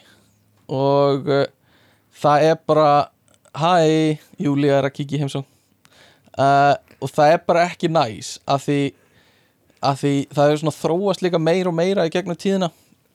Já, og uh, uh, núna þú veist þá, þá er ég mjög erfitt með að bara tala við hunda. Og og þú veist ég er með katt á hana mig Ok. og ég á kött. Já. Það kom smá pása sko að því að Stefán og Júlia voru í samskiptum það er góður Já, við erum góðir sko Ég, Ok ég fekk einn annan nefnilega mm. Ég er að fæða mannin bjór. Heyrður þetta? Nice Já Ég er að fæða mannin bjór Halló. Næ, halló. Allána, hvar voru við? Um, já, svona upp á síðkasti hef ég verið að fá meira af ónami, sko. Og á erfitt með að vera bara í kringum hunda og ketti jafnvel og hérna uh, og hesta líka. Ég, ég elska hesta en ég bara, bara ef ég kem nálagt þeim, sko það var bara mjög slæmt, sko. Hvenær fórstu síðast á hestbögg? Uh, það eru kannski fimm ár síðan eitthvað sluðis En þið eigi ekki hesta eða? Nei, ekki lengur, við áttum hesta Mm. eða fjölskyldan okkar svona átti hesta. Ég er nefnilega aldrei farið á hestbögg sko. Við erum aldrei frá hestbak? Eða þú veist ef, ef, Nefn að ég megi telja með hérna í hústreikarinn og þú ferð á hestbögg og það lappa með því í okay. Nei, ég mátti ekki. Ég ætla að banna. Ok. uh, Nei, jú, jú, það má alveg tegla það með. Uh, Ég Ég, ég mér finnst mjög gaman á hestbaki og ég var mikið á hestum. Uh, og svona uh, já, e- ég hef ekki farið svolítið upp á síðkastið en hérna já, hestar, frábæra skepnur.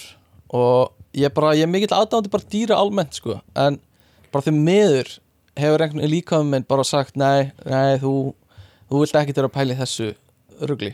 Já, og, já. og bara barna mér það sko. Þannig að oft þegar ég sé hunda núna það langar ekki mikið að bara svona fara bara geðveitt mikið onið á og eitthvað svona. Já, en ég bara þarf að stoppa mig og svona horfi oft bara á það og svona eins og ég fyrir lítið á sko. Já en það er bara að því mér langar svo mikið að segja hæ en ég bara geta ekki. Uh, sem er já, sem er mikið, mikið löstur og leiðilegt fyrir mig. En myndir þú fá þér heldur þú myndir fá þér hund eða kött eða þú verður bara ætlar að fá þér gæludýr heima? Ég, ég er náttúrulega með kött sko, köttur Já, en þú sjálfur? Já, eða þú veist ef ég væri ekki með ornami Já, þá myndi ég klálega að gera það sko. Fá þér kött Uh, eða hund? Já, og ég, veit ekki ég er að, glemir að klára svara og ég er ekki alveg viss hvort sko. Uh, sennilega hund sko. Ég er, uh, mér finnst það alveg gaman. Ég er, væri Já. pepp pepp, pepp, pepp uh, en hversu svona steiktir hundar eru Rottweiler og Pitbull? Já, er, er skrítið að það sé bannað að hafa það á Íslandi? Hvað finnst þér? uh, Er bannað að þetta- hafa rottvælir á Íslandi? ok, ég veit ekki með Rottweiler en það er allavega bannað að eiga Pitbull. Já, já, já. Er Eh, það ætt, veist, er það skiljanlegt eða megar að sens eða, eða, Þú veist, þér ég veit ekki, menna, er ekki eitthvað ástæði fyrir þessu? Veist, ég held að sé bara tölfræðin baku það sýnir bara að það eru fleiri árásir Já, og er, af örugla einhverju hundategund. Þú veist segjum að þú ætlar að eiga hund og hann er 100% að fara að býta einhverja mannesku alvarlega. Mm, einu sinni á lífsliðinni já. er það ekki nóg ástæð til þess að þú er- meir ekki eiga þann hund? Jó, en þetta er kannski ekki svona afgerandi sko. það eru kannski 10% Rottweiler hund, nei Pitbull hundum sem eru Aggressífur já, já, en ég er að segja, þú veist er þetta ekki bara spurning um að finna á milli þess hundur sem býtur engan, já, kannski. Hundur sem er 100% að vera að býta einhvern á vinnu sinni? Já, og síðan bara velja þarna á milli mm, hvað, þú veist, veist mhm. verður ekki að vera eitthvað cut off, ég meina í Já, sannilega sko. Ég er samt, mér finnst þetta ég, ég, ég veit ekki hvort ég á að segja stressast upp en þú veist, hundar í kringum lítil börn já, finnst mér alltaf smá svona uh, dæmi að því já, ég veit þú átt góðan fjölskylduhund sem hefur aldrei gert flugum einn. En ég myndi samt alltaf svona þú veist er möguleiki á að hann bara eigi erfiðan dag já, og já. býti bara eins ás krakka eða, eða þú veist uh, ekki að, já, eða bara hann er ekki að hugsa og þú veist eitthvað, rekst í, í barni sem er að reyna að standa og með þessi mikið eitthvað svona já, uh, yfirleitt er það mjög fínt en ég fæ alltaf samt svona smá uh, þegar þegar ég sé einhvern leifa pitbull hundinu sínum að kúra með litla barninu þú veist hvaða barni klýpur í eirað og hundurinn bara er ekki að taka er ekki já, að hafa já, já, ég er alveg sammála sko. uh, eh, veit ekki, Nei, Veit ekki. ég, vil ekki vera óneikvæður sko. Nei, en ég held þetta sé svona þú veist, þetta Mm. er eitthvað svona traust mm, og Mhm. ég held að fólk sem bara elskar gjörsanlega elskar hunda, bara Já, upp í kringum hunda alltaf já. það, þú veist, því finnst það bara treysta hundum svo mikið, skilur hversu mikið getur þú treyst dýri samt? Já, Og ég meina, mannfólk, skilur, þú veist, Já. þú leifir alveg vinniðinum að halda á batniriðinu sem, ég, don't get me started sko. Akkur uh, ekki leifa já, ég stressa slíka upp þegar ég sé það sko. bara uh, ég var að sjá þennan gæ mölvaðan nýri bæði síðustu helgi og þú ert að leifa honum að halda á bannin í alvöru Nei, ég er aðeins ekki En líka stundu bara, akkur ert að leifa mér að halda á banninu þínu? Ég gæti mista Já, Ég fæ svona kannski þannig tilfinningu. Bara, þetta er, þetta er mánaða gamalt bara gömur lífvera og Já. þú ert að leifa mér að taka þá ábyrð að halda á banninu þínu. Ég reyndar alveg fæ alveg svona massa massa kvíðakasti ég held á svona ungu batni Já, og lappa með það sérstaklega. Hvað Já. ég bara, hvað ég stíg aðeins vitlaus og rasa Ég líka Bara- bara, þú veist, ég dett alveg og þú náttúrulega dettur rosa mikið. Þú getur alltaf dottið við batn já, já, og hvað þá bara að vera í kringum börn og detta á þau sko. um, þannig Já. að ég veit ekki, þetta er, þetta er smá út úr dúr að hérna bara basically niðurstaðan er ekki treysta barninuðinu með neitt um, í kringum neitt. Já. Bara Bara, ekki lokaði eignast börn. barnið þitt inni. Já, ekki eignast börn, það er heldur niðurstaðan.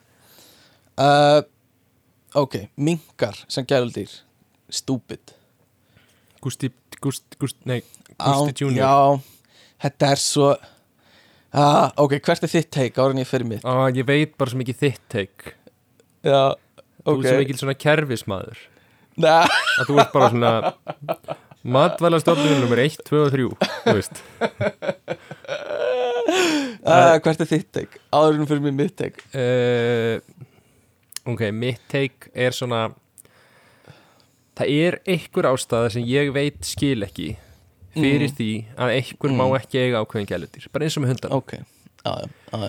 ég nenn ekki að fara að pæli því persónulega af hverju má ekki eiga pitbull.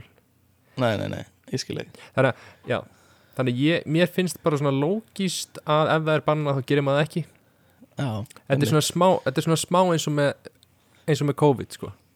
Já, þetta er smá svona, ég er ekki að fara að nenna mm, að skoða hvernig, að lesa allara vísindagreinar um allt, hvernig all virkar, hversu smitandi eitthvað er, hversu mikil áhrif getur allt, allt þetta bull. Mm -hmm, þannig að maður tekur bara svona ákvörðun og það fá einhver annar að taka ákvörðun og þú bara fylgir því eftir. Já, já, ég, já, já það er, það er gott teik held ég. Um, ég vil byrja því að segja að mér finnst allt þetta fjölmiðla fár í kringum þetta mingamál já, uh, fáránlegt. Mér finnst Og- að ég er svolítið gaman að því sko. Já, ég er bara eng, enga þóla með eitthvað svona matvælastofnum með vesen og þú veist, gefa út rapp Ok, mér finnst, já, mér finnst reyndar mjög fyndið að matvælastofnun hafi mætt heim til hans og bara Já, búist já. við að mega fara inn og skoða og leita inn í hjá honum hann er alltaf alveg fáranlegt sko. Uh, mér finn, eða, veist, hann er að gera þetta til að fá aðtekli já, uh, já. Fjölmiðlar náttúrulega bara urðu við þeirri bón og bara gáf honum aðteklina sem hann leitaði að Já, já. sem er bara gott múf hjá honum. Skilur þetta var bara fjölmiðlastönd. Mm Vist, við sjáum það bara líka núna hann er, hann er búin að fá aðteklinu sína hann er hættur Já, að er, hann, er, hann er búin með þetta atriði sko. uh, ég held þú veist ég las einhverja grein frá einhverjum manni sem átti mink og talaði rosa vel um að eiga mink. Þannig að, jú, jú, kannski geta einhverjir átt mink og, og það sé bara næs en ég held samt að bara þetta sé mjög rétt hjá mörgum sem mast var að segja sem Já. er bara að þeir verða ógislega illa lyktandi og verða aggressífir þegar þeir komast á kynþróskan það er bara, bara skólabóka dæmi finnst mér.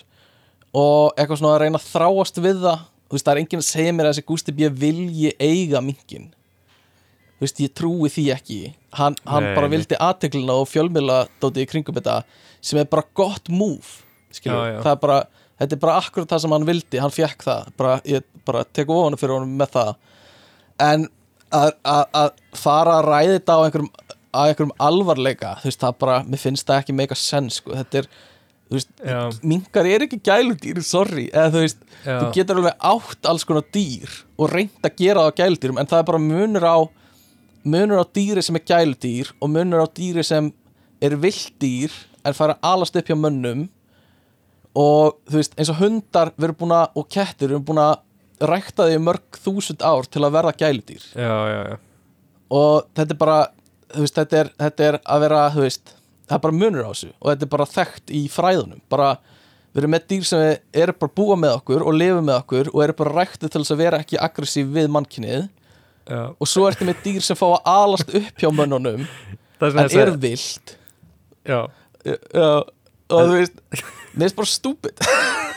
Það er svona, það er svona hittna þess undir þegar fórum að já, ræða þetta já, já, að gera það. Að, ég veit það ekki, ég veit líka að þú veist, honum er alveg sama og hann, fekk, og hann er búin að fá þetta út úr þessu sem hann reyndi.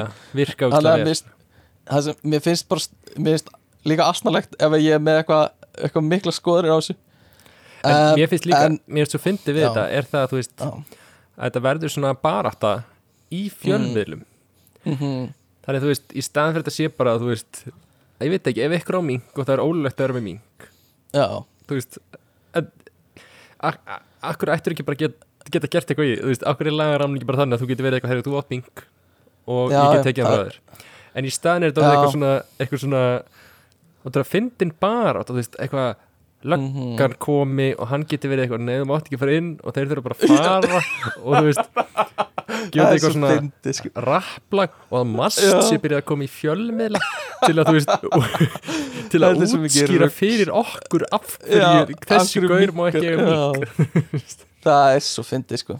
Og bara aftur vel gert hjá honum að gera, eða þú veist hann bara vissi hvað hann var að gera og hann bara gerði það mjög vel með þessu, þú veist, TikTok myndböndun hans og allt það, hann bara executaði þetta fullkomlega til að fá aðtegluna sem hann var að leita sko, bara vel gert en það er náttúrulega já, já, ef við höldum áfram uh, að því tíminn eins og vanalega er farin að hlaupa frá okkur uh, og við erum rétt byrjaðir hérna nagdýr uh, Já. er, það það það gjörsamlega tilgangslega dýr til að eiga?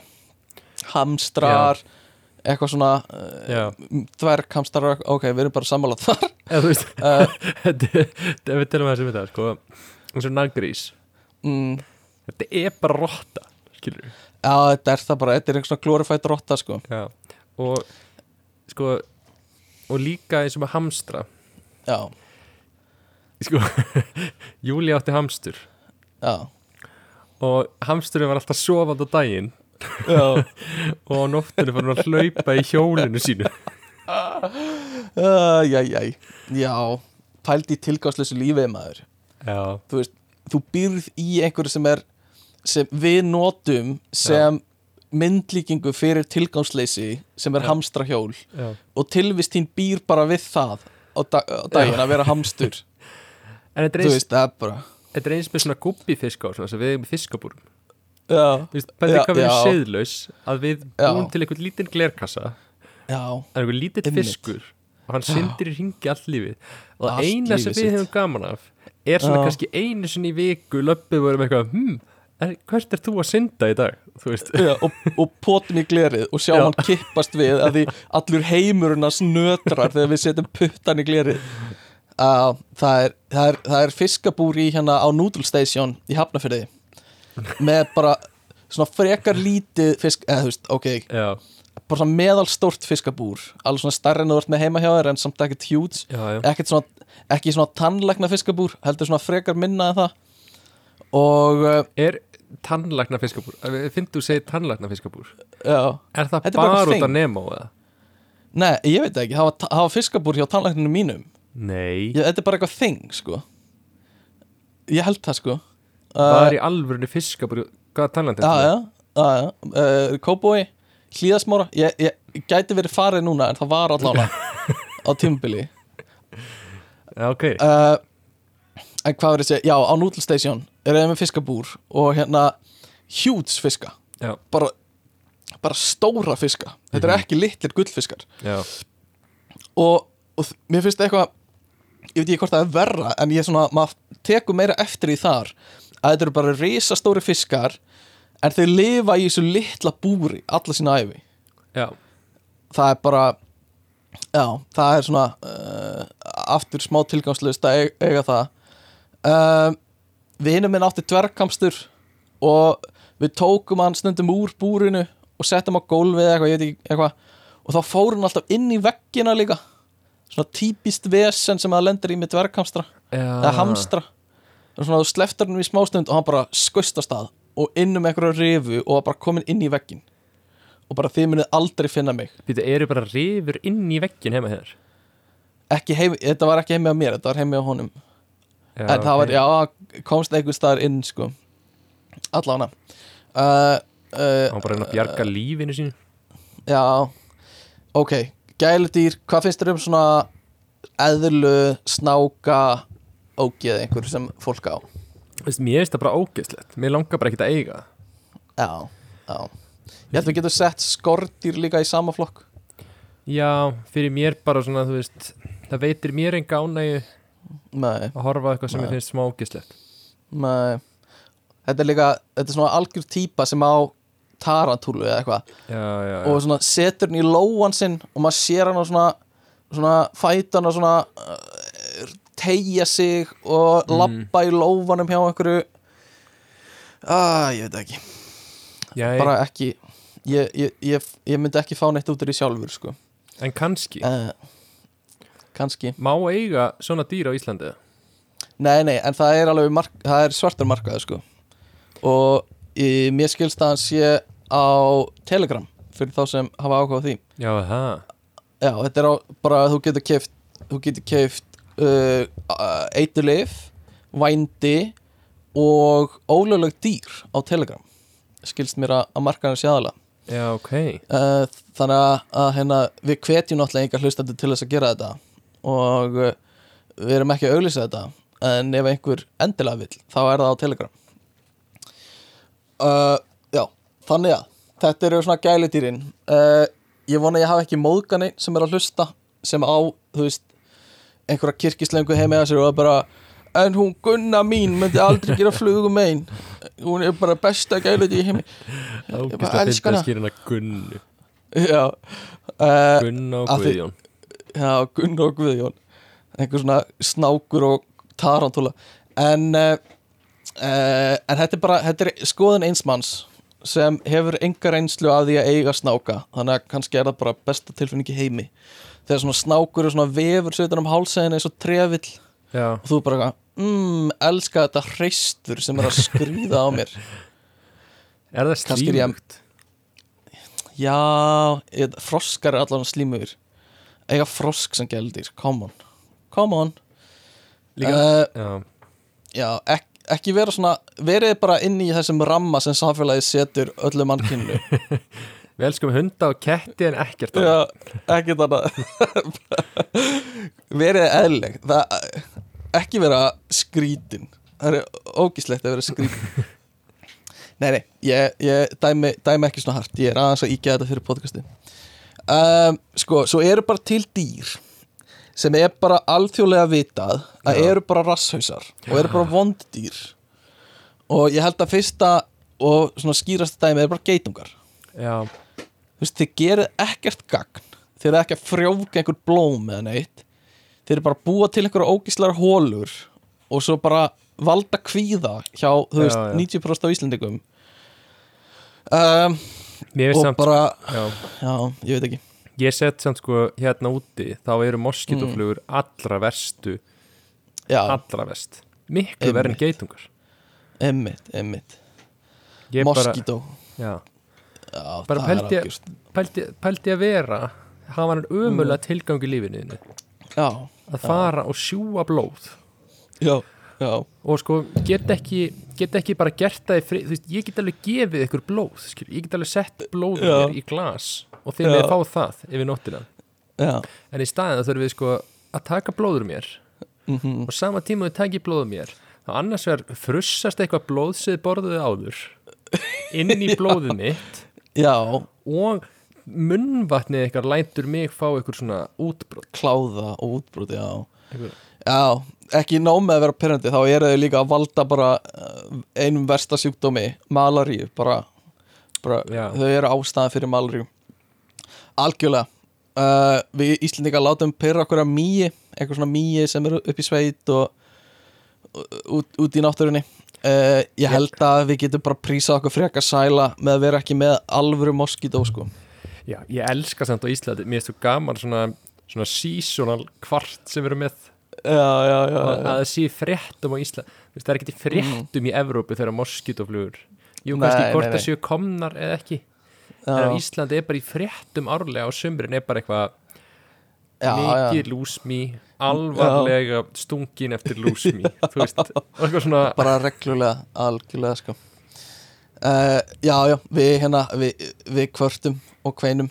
Uh, fleiri dýr sem eru gjörsamlega tilgangslaus uh, ég var með hérna skunkur og ég Já. veit ekki kannski sætir stundum og eitthvað svona en uh, en mér skilst og þegar ég var að ferðast í bandaríkjunum og var að keira og spjalla við hérna fólk sem bjóð þar veist, þá er þetta bara vandamál að Já. þú veist, ef að það er skunkur sem, sem skunkar skilur og hérna spýr spúir þessari ógislegu lykt Já, þá er það bara vandamál fyrir bara heila götu eða heilan smábæ í bara viku sko. Bara lyktin. Já, bara lyktin. Að því þeir bara, þeir þannig að pissa út einhverju ógisleru ógisleru lykt. Já, og þú veist, fær hana á þig þá bara getur þú brent föt einn sko. Það er bara ekki sjans og hún lifir bara í á götunni í bara, þú veist, einhverja daga sko. Pældi og bara. Við kerðum fram hjá einhver bæ og það var eitthvað vondlikt og bara, já, hann var skunkur að, að hérna fyrir nokkrum dögum að skunka. En eh, segir maður að skunka? Nei, maður segir ekki. En, en hvað allir sé svona Þú veist Gera þetta þegar vera hrættir Er það málið? já, ég held það, bara til að fæla frá sko. Þannig þú veist, ef þú sér skunk mm, já, ég myndi bara, ég myndi reyna að koma mér í burtu sko. Já, bara reyna að trýta þetta þannig sko. ég myndi ekki reyna að klappa honum eða reyna eitthvað svona ná góðri mynd á honum klappunum Nei, en þú veist, ég myndi ekki ég myndi, ég myndi reyna bara að forðast það eins og ég gæti sko. allan frá því sem ég hef heyrt uh, svo hef ég aldrei, þú veist, ég hef aldrei búið í kringu skunga þannig Kannski þetta I don't know, kannski eitt daginn. Uh, Þetta þér í huga einhverju fleiri dýr sem eru bara rasshausar? Uh, Þú veist, mís eru pyrrandi Já, já, mís getur verið pyrrandi, rottur. Ég er alltaf svona smá sjokk þegar ég sé einhverja myndir á rottum á Íslandi. Já, einmitt. Svona, Er þetta eitthvað sem bara vissi ekki að við byggjum við rottur? Þetta er eitthvað sem við útkverfa fólki þekkjum ekki sko. Já, það er svoleiðis? Ég held það. Já, við miðbærin hinn í Garðabænu við, við lendum svo oft í þessu. Nei, Já, en, þess, þessna er maður með ketti sko. Já, og þessna voru kettir líka ofta á skipum í gamla dag en mér finnst þess að mikið að hérna sko mís eru, eru líka bara er, það er svo pyrrandi af svona sama Mm. hátt og ég er að tala um moskítoflugur Já, svona eins og það er að naga sig gegnum einhver svona einangurinn á veggjum eða einhver, þú veist, göt, Já. naga göta eitthvað, maður hugsa bara svona, þú veist ég get alveg búið til hús fyrir ykkur ef þið lofið bara að naga ykkur ekki í gegnum leiðstöð, skilur þú væri svolítið til í að vera með eitthvað svona dýrasátt að semjara þess að þú getur samið við all dýrin. Án grín sko, Það væri mjög þægilegt Það er alveg satt. Bara svona óþvara vesen fyrir ykkur tilgang sem Mm. ég get leist án Já, þess að við, við, ég til ég að gera þetta fyrir ykkur. Við þurfum bara að gera þetta veist, ekki vera, ekki vera hálfitar Já, það er satt. Um, Já, mís Nei, hérna kettir drepa mís uh, Og það er til sögur Ég veit ekki hvort við förum, við förum kannski yfir það eftir En það er til alls konar sögur um Eitthvað svona merkileg dýr Og Já. eitthvað svoleiðis Og það er einn köttur sem Hérna sem lendi í því að þrísvar sinnum lifðan af stór svona skip hérna að sökk skip sem Já. hann var á og hún var bjargað og Já. fór á annað stórt skip ég held þetta, ég man ekki hvort það var kannski ekki Titanic en það voru allavega svipuskip eða herskip eða eitthvað svoleiðis sem var sökkt í stríðinu og kettin var bjargað fór á annað skip. Það sökk líka, hún var bjargað hann fór á annað skip og það sökk líka. Ég held að hann hafi verið í þremur söktum skip já, sem er svolítið, það er mjög skemmtilegt sko. Var honum alltaf Svona- bjarga já, já, kötturinn fekk alltaf að koma með í björguninni sko. Já, og smá óhappa af því skipi sem hann endaði svo á var svo sögt líka. Þannig að annarkvort er þetta hefnasti köttur í heimi eða óhefnasti að þurfa að, að lifa í gegnum þetta. Já, uh, sko ég með ég með eina sögu sem ég skrifaði sem ég langar svolítið að lesa. Já, uh, en áður en við gera það langaði mig að taka eina svona eitt sem ég fann á netinu bara, og þetta er ekkert merkileg saga beint, en mér fannst bara svo mér finnst það svo cute og eitthvað svona hérna, in, svona endearing einhvern veginn og let mér líða vel. En það er Ok. ekkert beint merkilegt við þessa sögu sem ég fann á netinu uh, en hún fjallar um hund. Og hérna, ég ætla að lesa hana. Um, hún er svona fyrir nokkrum vikum fór ég uh, niður á strönd sem er nált húsinu mínu. Og það var ekkert sérstakt við það neitt. Uh, ég var bara að sitja við sjóin og, og horfa á hlutina í kringum mig. Og allt í henni þá bara ákveði ég að mér langar að grafa hólu og uh, að bara einhverju sérstakar ástæði fyrir ég að grafa hólu og allt í henni kemur hundur til mín. Og þetta er ekki hundur sem ég þekki ekki minn hundur eða neitt nei, nei, sem ég hef séð áður. En hann var bara svo hérna, hann var svo uh, svona loðinn og sætur og glaður og hérna byrjar að hjálpa mér að grafa hóluna á ströndinni Já. bara upp á þurru og hérna hann er svona að að vakka hal, hérna, skottinu sínu og er ógeðslega glaður að vera að hjálpa mér og, og hérna uh, og hérna já, hann er bara með mér hann að grafa hóluna sko uh, og bara mjög sætur og, og hann hefði greinilega hlaupið eitthvað burt frá eigandanum eða eitthvað. Og hann heldur bara áfram að grafa með mér og uh, og svo sér hann eitthvað svona smá fluff á jörðinni og byrjar svo bara allt í hann að leika við það og leika við mig og eitthvað svona. Mér finnst bara svo cute saga einhvern veginn. Bara svona hundir sem er bara eitthvað að leika sér og bara koma og hjálpa að grafa hólu og bara "Ah, gaman að grafa hólu eitthvað svona. Uh, en ekkert, já, bara svona Þetta er bara Já, svo einfalt. Já, bara mjög einfalt, það er eiginlega það sem ég bara einfalt saga, ekkert merkilegt en bara Já. svona, ah, cute, elska þetta. Að bara einhver hundur kemur. Já, pældi að við myndum hafa okkur svona sem mannfólk. Pældi hvað verið já, einmitt, fara bara upp að einhverju sem situr á einhverju bekk og byrja bara að sleikja ís með honum með eitthvað. Það er svo gaman að við með þér. Já, mjög eðlilegt herri, á ég að lesa fyrir söguna sem ég var að skrifa? Já, þetta er, svona, þetta, er í, þetta er í anda þess sem ég talaði um í síðasta þætti. Þetta er svona smá Já, fanfiction. Ok. Þetta er svona fanfiction uh, á þáttinn nema þetta er ekki fan af því ég skrifaði þetta. Ok, uh, hún, er, hún er svolítið lengri en hérna uh, lengri en, en í síðasta þætti en sjáum bara hvort hún sé oflung kannski köttu við út. Ok, Þannig að ertu reyðbúin ég er eða Það eina sem rauf þögnina við vatnið var þegar stöku fuglar tístu lágum hljóðum. Loftið ángaði af sætum gróðurilm og vatnið lág stilt. Guðmundur komingað til að kjarna sig og byrjaði daginn. Stundum kom hann með kaffibólla. Þá lappaði hann frá húsinu þeirra sem var rétt fyrir ofan vatnið með bollan og passaði að það skvettist ekki einn dropi niður. Þegar hann var komin alveg hjá vatninu þá fór hann yfirleitt úr skónum og lefði tásunum að busla. Hann lék sér stundum að því að blanda kaffilyktinni við ilmin á gróðrunum og lokaði augunum og ímyndaði sér að hann væri stattur á kaffi ekkur út í Peru. Hann gerði þetta ekki í dag samt. Hann var ekki í skapi fyrir það. Satt best að segja var hann ekki í skapi fyrir neitt. Hann og Júlia höfðu verið að rífast í alla nótt yfir einhverju sem var gjörsamlega tilgangslust. Hann vildi núna bara fá næði, ró og næði. Hann dró andan djúft og reyndi að sleppa takinu á spennunni sem var einar með honum.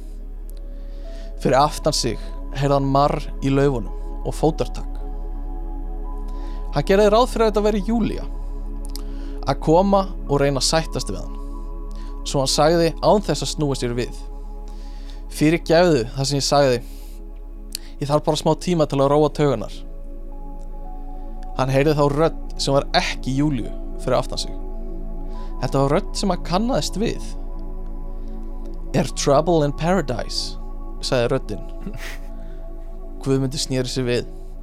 Það tók hann nokkra sekundur að átta sig á því hver þetta var Inn á milli trjána sá hann svart trínið og brúna feldin kröftuga afturfætur og þykkur magapoki var greinilegur. Þetta var sjón sem hann hefði ekki séð í tæp fjögur ár. Kanga, sagði hann loksins. Hvað ert að gera hér? Hundra ekkur skóur er langt í burtu. Á sama tíma heldust yfir hann tilfinningar frá því fyrir löngu. Tilfinningar sem hann hafði ekki áttað sig á fyrir núna að hann hefði saknað svo dýrlega. Heldur ég viti það ekki kjáni, sagði Kanga og stoppaði nær Guðmundi. Ég kom til að hitta þig. Ég frétti að það hefði flutt hingað. Hún var núna komin alveg upp fyrir Guðmund. Hann fann hitan frá líkamæðinar og svita rökum feldinum. Hún hafði greinilega verið að ferðalagi í langan tíma. Lyktin frá henni var svo kunnuleg og myndi Guðmund á hvernig það var að vera ungur og kærulaus. Ósjálfrátt og áður en að viss af eins og líkamanns tæki stjórn í nokkur sekundur strauk hann svip, svitadrópa af kinn köngu. Jamt snögt áttaði hann sig á því hvað þetta var óviðegandi og hann dró hendina að sér snögg, í snöggri hreyfingu. Fyrirgeð stamaði hann og bakkaði eitt skref. Þetta er alltaf lægi guðmundur sagði Kanga blíðlega og skoppaði nær honum Aftur tók, já nær honum aftur og tók í hönd hans. Guðmundur fann nú aðra bylgja tilfinningum streyma um sig. Ég hef saknað þín, hvíslaði Kanga og rétti hina hendina að kinnin hans. Guðmundur vissi að hann ætti að líta í burtu en hann gerði það ekki. Ég líka, hvíslaði hann og fann lyktina og hitan frá andadrættinar Hann beið um stund til að sapna kjarki Hva, hvað ert að gera hérna? Þú, þú veist ég með Júlíu núna, þú, þú getur ekki verið hérna. Kanga sagði ekki neitt og horfði bara djúft í augun hans. Þau stóðu um stund. Þú getur ekki, þú getur ekki verið hér. Kanga kist hann og tók þjættar utan um hann. Það tók Guðmund nokkur andartök að átta sig á því sem var að gerast. Tilfinningin var eins og að koma heim. Ylurinn og rakin frá sameigilegu munnvarnið þeirra setti miðtöga, miðtögakerfið hans á fullt eins og eldingu hefði slegið niður í hann. Andartökum seinna fleiri en hann ætlaði sér sleit hann sér frá henni. Ég geti þetta ekki, þú veist það sagði hann hvast Kanga, Kanga leit á hann með kunnulegum svip. Guðmundur þú skilur ekki. Það er smá sem ég ætlaði að segja þér Andartök liði á þess að þau sögðu neitt. Hvað? Guðmundur rauf þögnina. Kanga setti hendina sína á streng magapokans og opnaði. Inn í honum í hrúu lá lítill kenguru strákur Hann gat ekki verið meir en fjögur ára. Hann er þinn sagði Kanga. Búið. Hvernig, þetta var var þetta? rosaleg saga. Er svona, hún var, hún var ótrúlega svona falleg. Já, já, Eða, hún, var, var skrítin, sko, hún var skrítin, ég veit ekki það. Ok, ok. En hún var samt svona, hún var svolítið falleg. Já, þetta er svona dýra, dýratengt Já, hvernig þú lístir svona einhvern veginn, já. Mm, Þetta var mjög fallegt, sko. já. Gott, gott að heyra. Um, uh, Já, þetta er hérna Furries Eh, förrís Er það næsta, umræðefni Nei, bara næsta umræðumni uh, what, what's, the, what's the deal with furries? They're Já. not human um, Hvað hérna Hvað getum við sagt um furries? Fólk sem uh, finnst gott að klæða sig upp í, í dýrabúning svona fatnað sem er samt rosa mennsk dýr. Já, uh, já, já. og uh, láta eins og eru dýr stundum og þetta er oft tengt við eitthvað kynferðislegt ekki endilega. Mm, það eru fræg frægar sögur frá einhverju svona, ráð, svona förri ráðstefnum þar sem allir eru að ríða og Já, húka og fró, fróa sér út um allt og gera svona eyðileggja hótelin sem þetta er haldið á.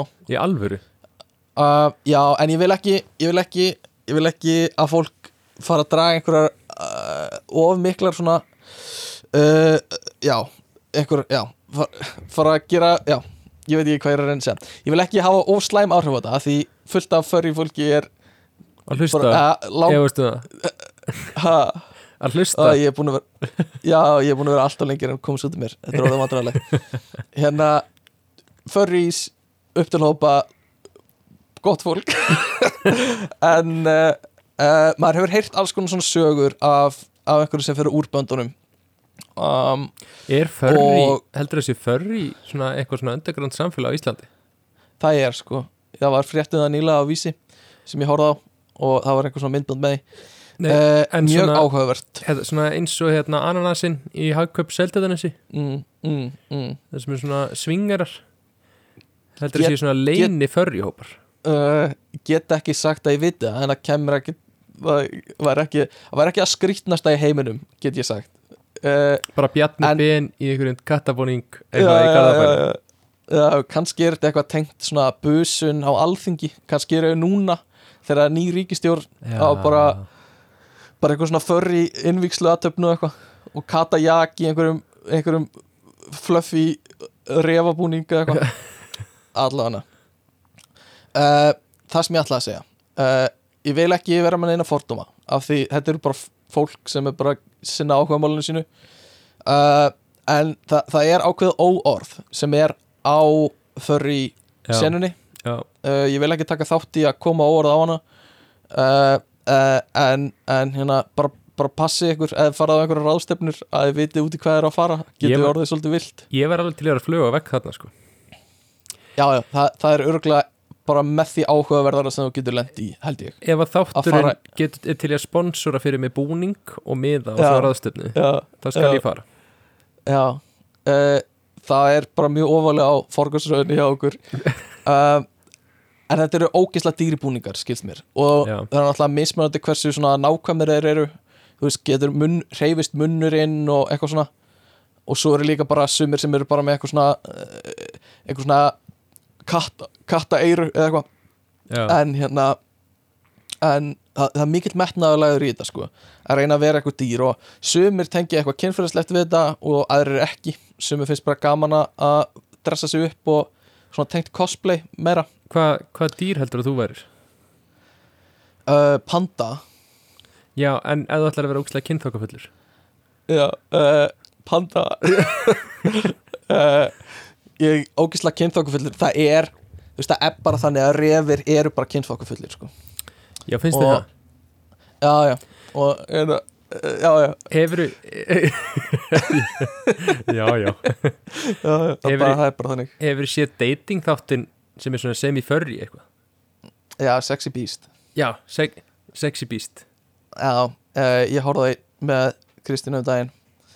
Já, uh, ok, Ekki mynd tepalli, verð að segja En Kristína er farin að horfa á þetta núna að, nei, alvöru? Já, ég held að Allar hún stakk upp að horfa á þetta aftur uh, Eftir hennar þátt.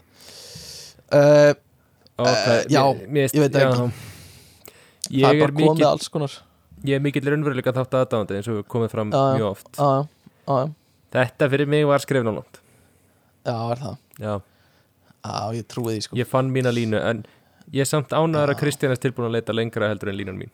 Já, það er gott að einhver er þar. Uh, Já, það uh, Og mikið fyrir mig líka sko. Uh, En uh, Við náttúrulega mannkynnið Við erum bara dýr. Og það er Bara eins og við vorum að tala um áðan Svo fyndið að pæla í Í fyrsta lagi svona dýrslega hæðunum okkar. Já, Og líka bara skoða Þú veist, hvaðan við komum Þú veist, hvað við erum lík Eins og simpansum og öpum og eitthvað. Og górilum og hérna uh, eins og bara puttanir okkar eru bara puttanir sem apar hafa já. að miklu leiti uh, og uh, þú veist bara þróunir hvernig hún hefur verið bara í og þú veist svona að skoða það sem oft talað um svona missing link. Þegar maður að reyna að tengja saman hvernig fóru frá einhverju simpansum yfir í mannkynið. Já, og eins og neðandindals menn og eitthvað svona uh, að sjá einhvern veginn hvað við færumst úr því að vera dýr yfir í menn einhvern veginn Já, og hvar ætli það gerist. Já, svo hef ég líka pælt í því sko hvað myndi gerast ef við tækjum eitthvað barn frá, þú veist, 100.000 árum eða 200.000 árum já. og myndum setja hann í nútíman væri þetta eðlileg manneskja? Eða þú veist, myndum við taka eftir einhverjum mun núna Já, Er, ég veist- skilji. En það ólst einhver- allan tíman upp í okkar samfélagi og allt já, já, já, já. Og ég held að homo sapiens það á að hafa verið uppi fyrir 100.000 árum eða 200.000 árum þannig að tæknilega séð erum við sami þú veist, er þetta sama dýrategundin. Já, en myndum við samt finna einhvern mun þú veist, væri þetta, barn sem væri rosalega svona aktivt, svona ofvirt að einhverju leiti, ég veit ekki hvort það er nota lengur eða væri þetta, þú veist væri þetta heimskara en við erum í dag? Eða væri þetta gáfara? Eða væri þetta með, þú veist að, eitthvað svona hæfileika sem við höfum ekki eða eitthvað svo leis um, Væri kannski með, þú veist Ógislega gott að hlaupa. Það getur verið, skilur eða, já, eða með eitthvað svona skinfæraðir eru næmnari, augun eða eirun eða nefið eða eitthvað Stressaðara. Já, já, bara tölfur, ég skil ekki tölfur ég er bara, ekki komið inn í DNA þeirra. Já, geti verið sko. Sem er náttúrulega líka hjá okkur það er ekkert komið inn í DNA okkar að sitja við skrifbóra allan daginn sko. Nei, En kannski verður það bara það, það, já, bókað sko bókað, það er mjög áhugavert bara svona hvernig við höldum að mannkynnið sem dýrategun mun þróast í framtíðinni sko, þú veist við erum pottið öll hárlaus við erum pottið með þú veist stór augu Já, og hérna eitthvað svona og uh, fæðumst með eðli að forrita. Já, já, bara byrjum að fyrsta sem við segjum er eitthvað bænar í darsl. Uh, og uh, hefur séð myndina af gæjanum sem á að vera veist, hvernig mannkynni þyrft að líta út til þess að þóla bílslis á þess að vera í belti. Uh, Nei, Þetta var einhver auglýsingaherrferð sem fór á stað fyrir nokkrum árum og ég, reyn, ég ætla að reyna að mun að posta þessu á Instagram. En þetta var, semast, þetta var einhver auglýsingastofa sem var búin að út, veist, búa til mynd af mannesku hvernig hún þyrfti að líta út uh, til þess að höndla bílslis á sig verið belti þetta er basically verður með belti auglýsingaherrferð og hún er ógeðslega fyndin, hún er með stóran háls og ógeðslega þykk rifbein og hérna eitthvað svona og hún varð svolítið svona mím á netinu og rosa þykka hauskúpu og hérna og varð svolítið svona uh, svona crush hjá mörgum. Það voru margir sem voru mjög skotnir í henni sko. Og ég ætla að senda það mynda sig hérna að þú getur þetta er á, á Discord chatin okkar. Og uh, og hérna ég seti það líka á Instagram. En ógeðslega fyndin mynd af mannesku uh, og ég kemur ekkert óvart ef við myndum þróast í eitthvað svona þú veist, hvað hendar okkur í lífin okkar í dag? Já, og það er mjög áhugaverð pæling hvernig við þróum, hvort við verðum líka, þú veist húðin okkar verður einhvern veginn öðruvísi eða hvað. Um, já, allavega. Veit ekki. Er ekki eðveik manneskja. Já. Uh, sko, við þurfum að, að fara að henda tempónu svolítið upp hérna Já, við erum aftur, eru- í, aftur í vesinni. Já, við erum aftur í vissinni þannig að hvaða dýr eru best? Hundar. Já, hundar. Uh, mist uglur svolítið töff. Já, uh, svolítið hrjóna uglum mist eitthvað, eitthvað við þær höfrungar. Górilur eru, finnst þeim skemmtilegar. Já. Rip Harambe fyrir þá sem tengja við það. Engin svo eru svona svo eru svona fræg dýr. Já, og mörgæsir. Já, pöndur eru mikið uppáhalds mörgæsir.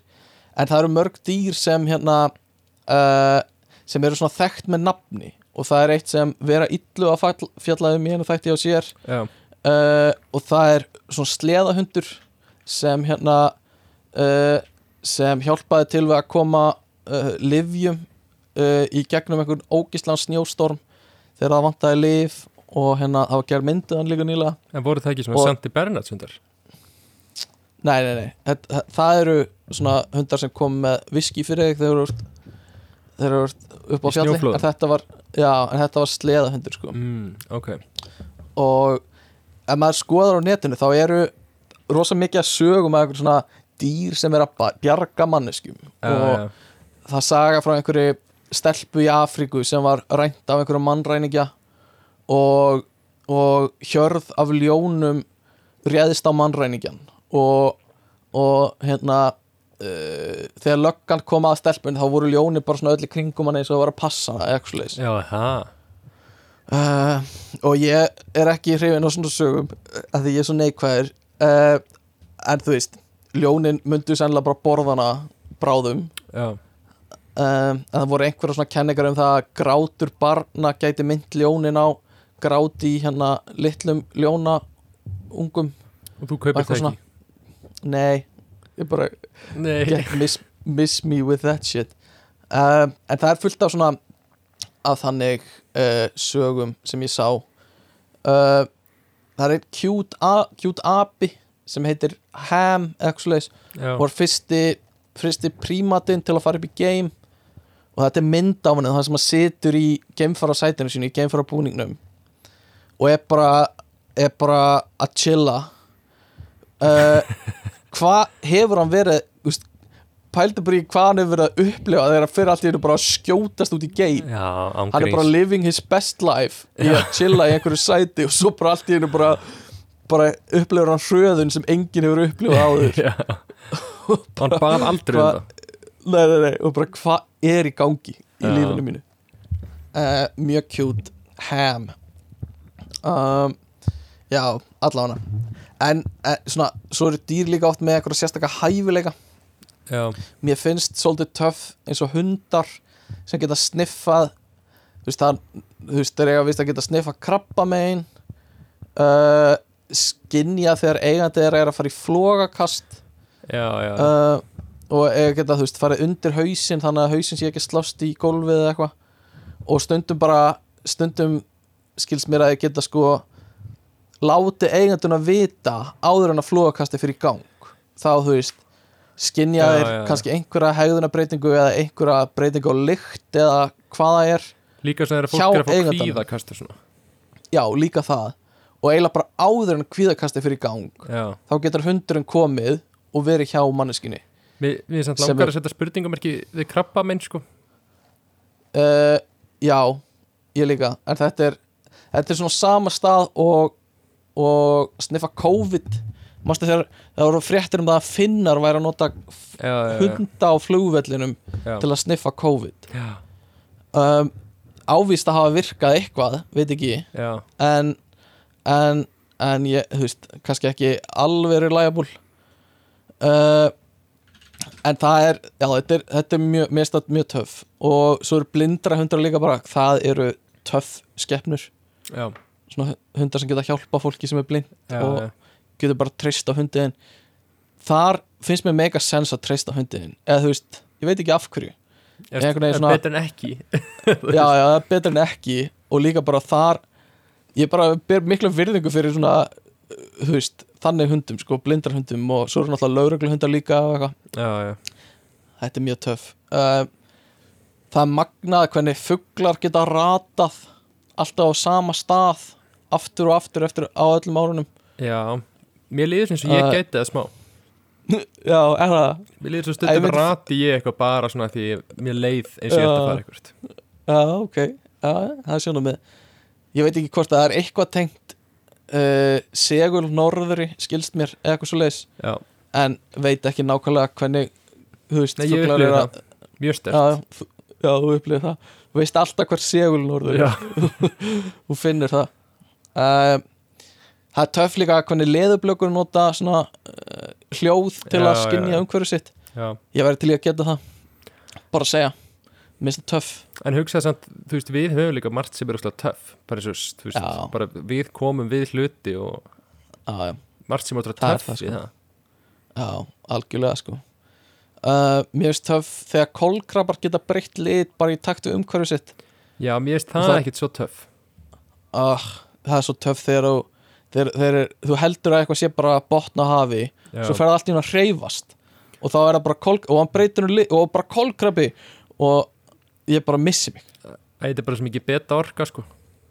Uh, ok. Sorry, þetta var ekki alveg up to, up to alfa standardin hjá þér. Uh, já, svo vorum við að tala um kvali á þann geta öskra svolítið hátt. Mér er svolítið töff svona líka dýr sem lifa fáránlega lengi. Já, eins og, eins og risaskjálpugur sem Já, lifa já. bara í 200 ár eða eitthvað. Þú veist. Victoria drottning var ennþá þegar einhver skjálpaka var þú veist, sem er ennþá lífi var, já það er töff. Já, en, Uh, já, já. Mér finnst það líka og- svona medium sko ok, sorry. Og hvalir sem geta lifað, veist, miklu lengur en það bara einhver hundruður ára. Bara einhver hvalur sem var áður en að Ameríka var uppgötuð af vestrænum fólki voru bara einhver hvalir sem eru á lifi í dag sko, já, sem eru ennþá í sjónum. Svo Karl og svo Breta prinssi var náttúrulega bara alveg já, já, mörg hundru ára. Kannski er Elisabeth Eilandsdrottning hvalur. Ángríns, það kemur ekki á orð það kemur ekki á orð Ég held að hún degi Eh, á undan okkur Nei, á eftir okkur. Já, pottið sko, það er bara alveg bókað. Svo eru suma dýrategundir sem bara er ekki hannaðar til að eldast og eru bara svona tæknilega séð eldast ekki og ódöðlegar hef ég heyrt, ég man ekki hvað það var krab, ekki krab, hérna hvort það var uh, eitthvað, í- eitthvað í sjónum. Þetta var uh, hérna lobster, hvað það eftir humar, eða eitthvað slis já, humar uh, ég man ekki, eða einhver önnur dýrtegund sem var bara hönnuð þannig að hann eldist ekki sko, já Uh, Af hverju? Af hverju þessi? sko eins og ég skilda að einhverju liti hann alltaf kannski fattar enginn alveg af hverju við eldumst og hvað við græðum á því annað er bara að, að dýrategundir þróast betur eða eitthvað leis um, en að einhverju leiti hef ég heyrt að við eldumst vegna þess að þú veist ef við fæðumst þá erum við með þá erum við með bara DNA-ið okkar Já, og á endanum á DNA lengin okkar erum við með svona buffera sem Já. eru bara svona bara svona hlutir sem skipta ekki máli og eru bara á endanum. Og svo í gegnum æfina þegar frumunir er alltaf að skipta sér Já. þá minka þessi bufferar alltaf meira og meira. Já, og það fara að koma meira og meiri svona gallar í frumuskiptingarnar. Bara svona eðli gallar sem gerist þegar þú skiptir frumu. Þá kannski er eitthvað prótín, nei, einhver e, kjarnsýra sem er ekki rétt kjarnsýra á einhverju stað og eitthvað svona. Og bara svona yfir tíman þá bara er bufferinn farin að koma þú veist, farin að fara inn í alvöru DNA-ið þitt mm. sem skiptir máli. Og þú ert komið með svona þú veist, þú ert farin, komið með svolítið mikið að mistökum í, í DNA eitthvað svona. Ok.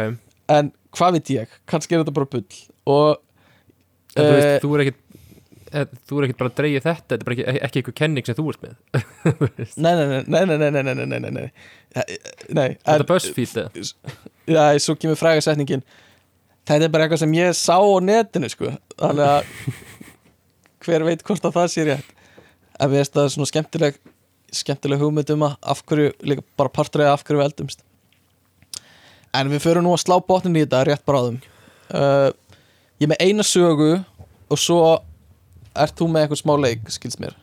Já, Já. Uh, Ég var eins og að hlaupa úti uh, henni í Garðabænum. Og ég var komin svona svolítið langt frá húsinu mínu og var á leiðinni heim. Spúin að taka hringin og leiðinni heim úr hringnum. Og það er eitthvað svona mjög sætur, ég held að það hafi verið labrador hundur eða eitthvað sem hleypur upp að mér meðan ég er að hlaupa. Já, og uh, ég stoppa ekki en hann svona hleypur og bara hlaupi kringum mig sko. Já. Og þú veist, ég vildi ekki eh, ég svona stoppaði svo eftir smá stund og hann var komið bara upp við mig og var eitthvað svona að- láta mig klappa sér og eitthvað. Og ég byrjaði svona að líti kringum mig og uh, þú veist, grunaði að kæmur einhverju garði eða eitthvað rétt hjá.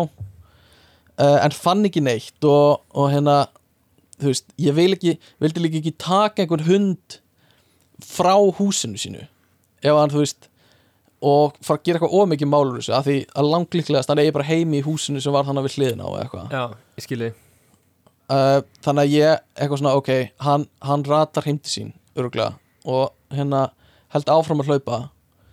Og þegar ég komi lengra og snými við þá er hundurinn bara ennþá að elda mig. Ok.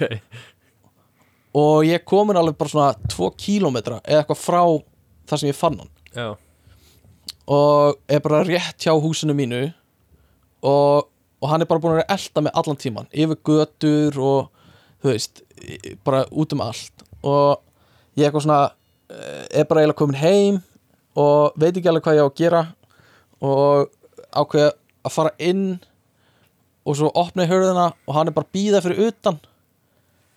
Þannig að ég, ég þarf að hérna veist, get ekki skilja hann bara eftir já, eitthvað.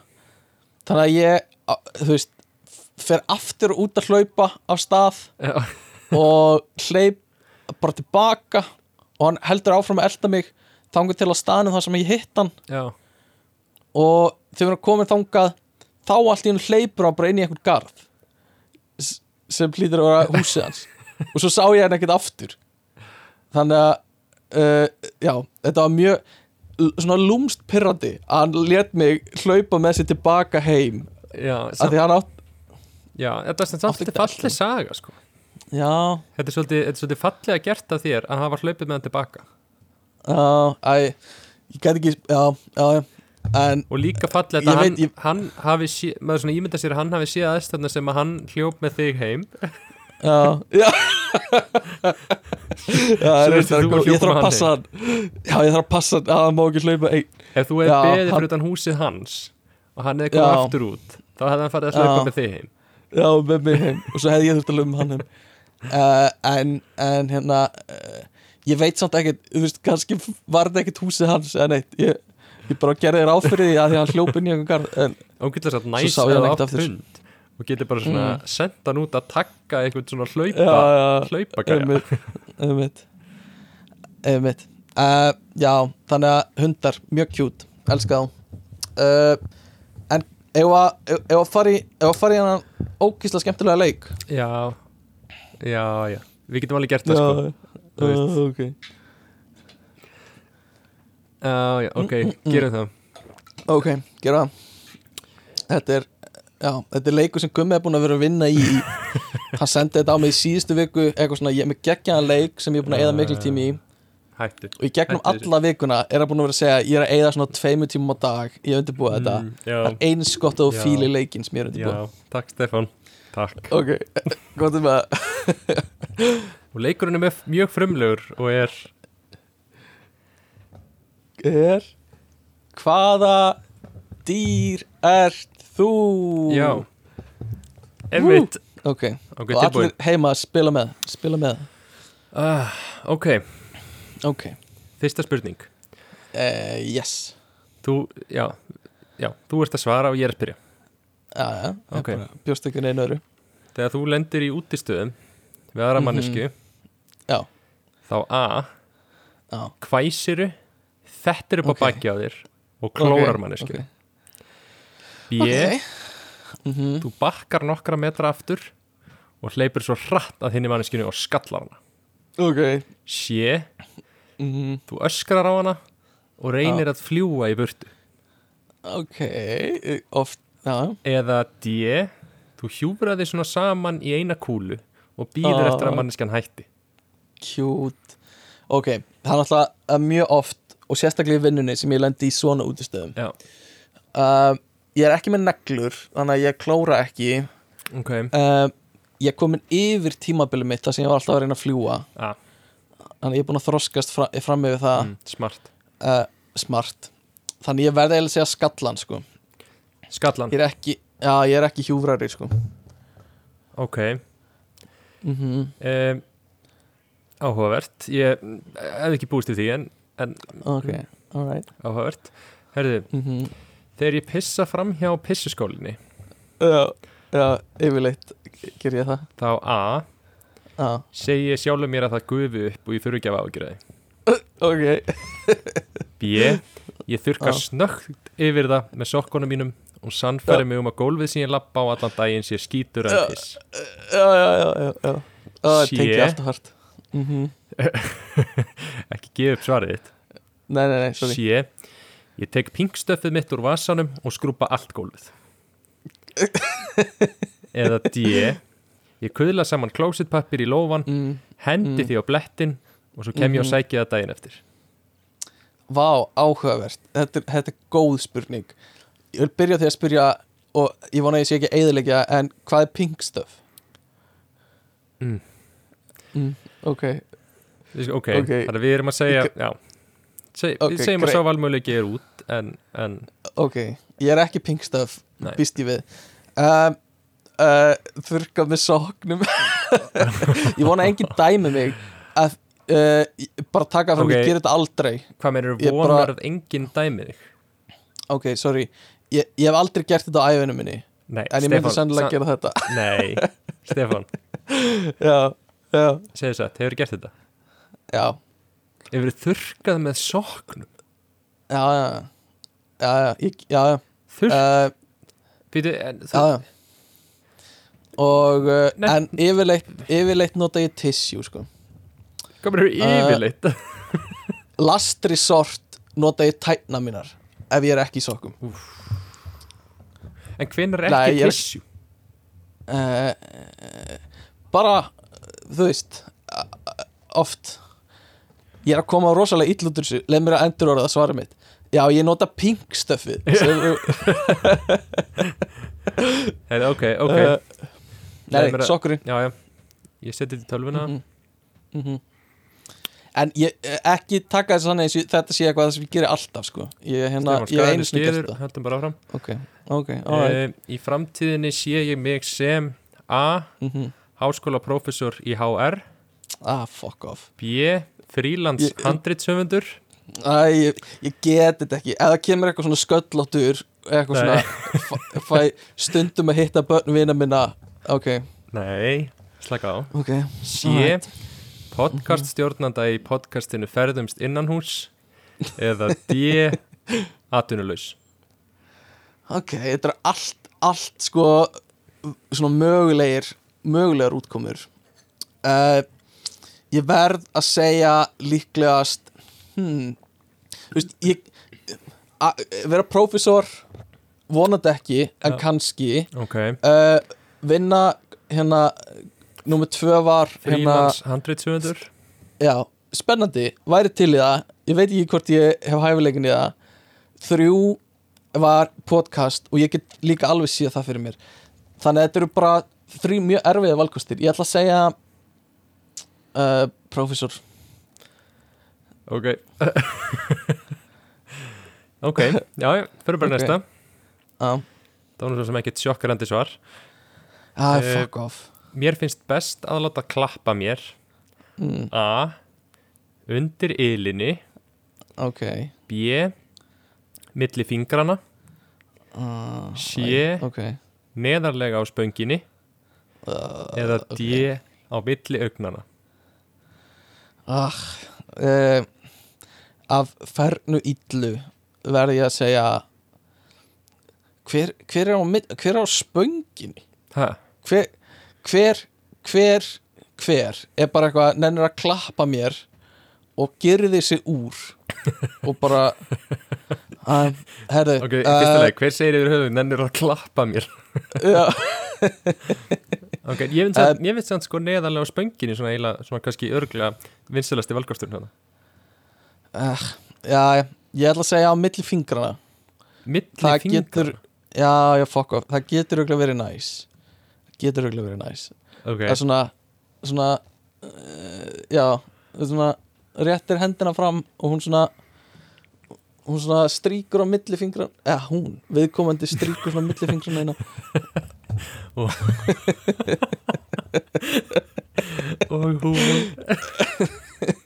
Bara sjá Æ, þetta fyrir að tekið tilbaka, ég hann að pink stuff eitthvað, Er ok, síðast spurningin. Ok. Æj, æj, æj uh,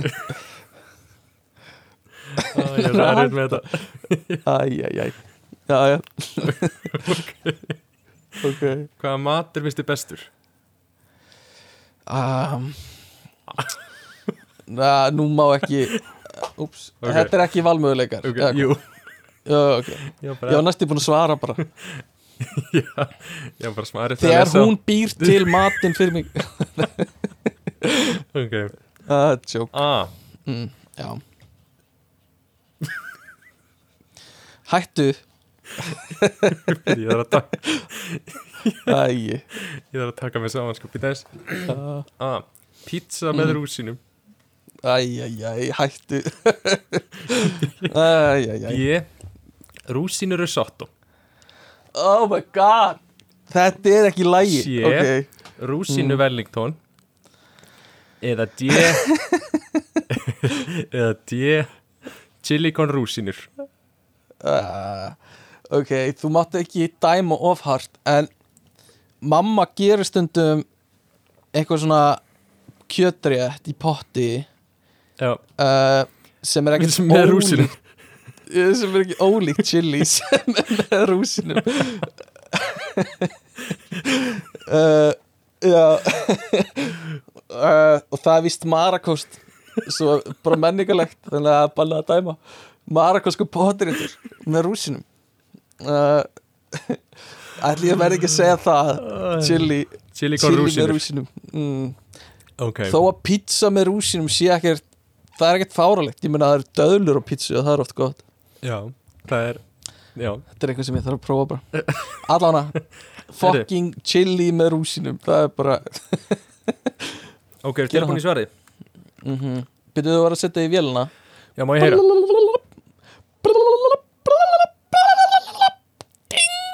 Erðu, og svarið er 458.927 What? Ha- Já, ég myndi segja frekar dýr. Ekkert mjög dýr. Ah, En- ah, En- Nei! Ég get þetta ekki sko. Var það slart það? Já, Ok, nefnum ah, Ég fattar Nei, nei, nei, nei. ah, Ég fattar þetta ekki strax. Ég skildi ekki neitt sko. Nei, þetta var svona þetta, þetta, uh, Þetta var gott, Nei, þetta var mjög gott sko. Freka dýr. Ok, þetta var mjög gott. Uh, Ok, ég fíla það. Ó, ég sé eftir þessu strax. Nei, þetta var geggjað sko. Þetta var mjög gott. Ég, ég, ég bara, ég skildi þetta ekki. Ok. Uh, Ógisla vel gert hjá þér uh, Ég eti dyrugla út uh, Pissu spurninguna. Það er bara Uh, að lípa svarið. Já, því hún er lígi sko. Ég hef aldrei, aldrei gert neitt svona Og myndi aldrei gera neitt svona. Uh, Nei, og, og, og sokkurinn minn er bara heilug flík fyrir mér myndi aldrei. En sannfærði samt, sannfærður sjálf að um að þú veist, gólfið sé hvort þessu skítugt og svona, Nei, nei, nei, nei, ég gera það ekki. Nei, já, Nei. ok Það er þú bara, Bara alveg bara gjörsamlega bara gjörsamlega siðlust sko. En þú veist, ef, ef það væri ekki meira vesen myndur þú líka bara kannski bara þurka hettupeysunni eða mm bara skýrtu Nei Nei, sokkur er ég held að ég held að sé meira bara sokkur er svo skítuðu hvað sem er sko. Já, veist, nákvæmlega Ah, sem þetta, þessi stóði valmöðuleikar uh, uh, Já, en aftur ég myndi aldrei gera þetta. Nei, nei. Uh, ég hef aldrei gert þetta. Nei, nei. Um, fáranleg hugmynd. Þannig að hérna ég skil ekki akkur um að tala um þetta. Og ég, ef ég fæ eitthvað hate mail út á þetta sem ég fæ stöku sinnum þá hérna, þá vil ég bara benda og ég hef aldrei gert þetta sko. Og hérna, myndi aldrei gera þetta. En það sem er samt, En- sko það sem er gott við þetta er að, þú veist, mm. þetta er á, hvað erum við að tala um? Þú veist, rúmur klutt, nei, rúmur tveir tímar búinir að þettinum já, Þannig að þetta eru bara svona alveg kjarna aðdándur sem nefndar hlusta í gegnum allan þáttin já sem er að fara að heyra þetta, mjög, sko. Já, ég get huggað mig við það. Þau, þau samþykja mig með öllum mínum göllum sko, Já, sem betur fyrr vonandi. Já. Uh, Til dæmis kærasta mín end, endist aldrei svona langt sko inn í þáttin Nei, ekkert sem betur fyrr það er gott, það er gott. Herðu, uh, takk fyrir að hlusta. Þetta var 60. þátturinn okkar og að vana er hann miklu lengri en við ætlum að hafa hann. Uh, Ég kalla þetta, kalla þetta mínus 40 þátturinn. Já. Uh, vinslu minni mitt er ekki alveg að ná utan um þetta. Nei, ég er að telja nið, þú veist, upp, Nei, já, 100, telli niður í hund þá Já, byrju- telli þá upp í byrju. 100 Ok, uh, já, þetta var mínus 40 þátturinn okkar og uh, takk fyrir að hlusta. Sendið posta ekkert að frétta at gmail.com hafið samband á Instagramin okkar ekkert að frétta. Segið við okkar frá þessu. Markmið okkar er að fá einn nýjan hlustanda sem hefur ekki hlusta á þetta áður uh, eins og vanalega. Þannig að það væri frábært eða bara svona greiði fyrir okkur eða getið sendt það á eina mannsku sem þekki sem hefur ekki hlustað að því við viljum fá bara eina mannsku uh, til að hlusta. Já, og uh, já, takk, bara takk fyrir okkur Já. heyrust í næsta hætti Stefán, að lokum, já, já, hvað er að frétta? ekkert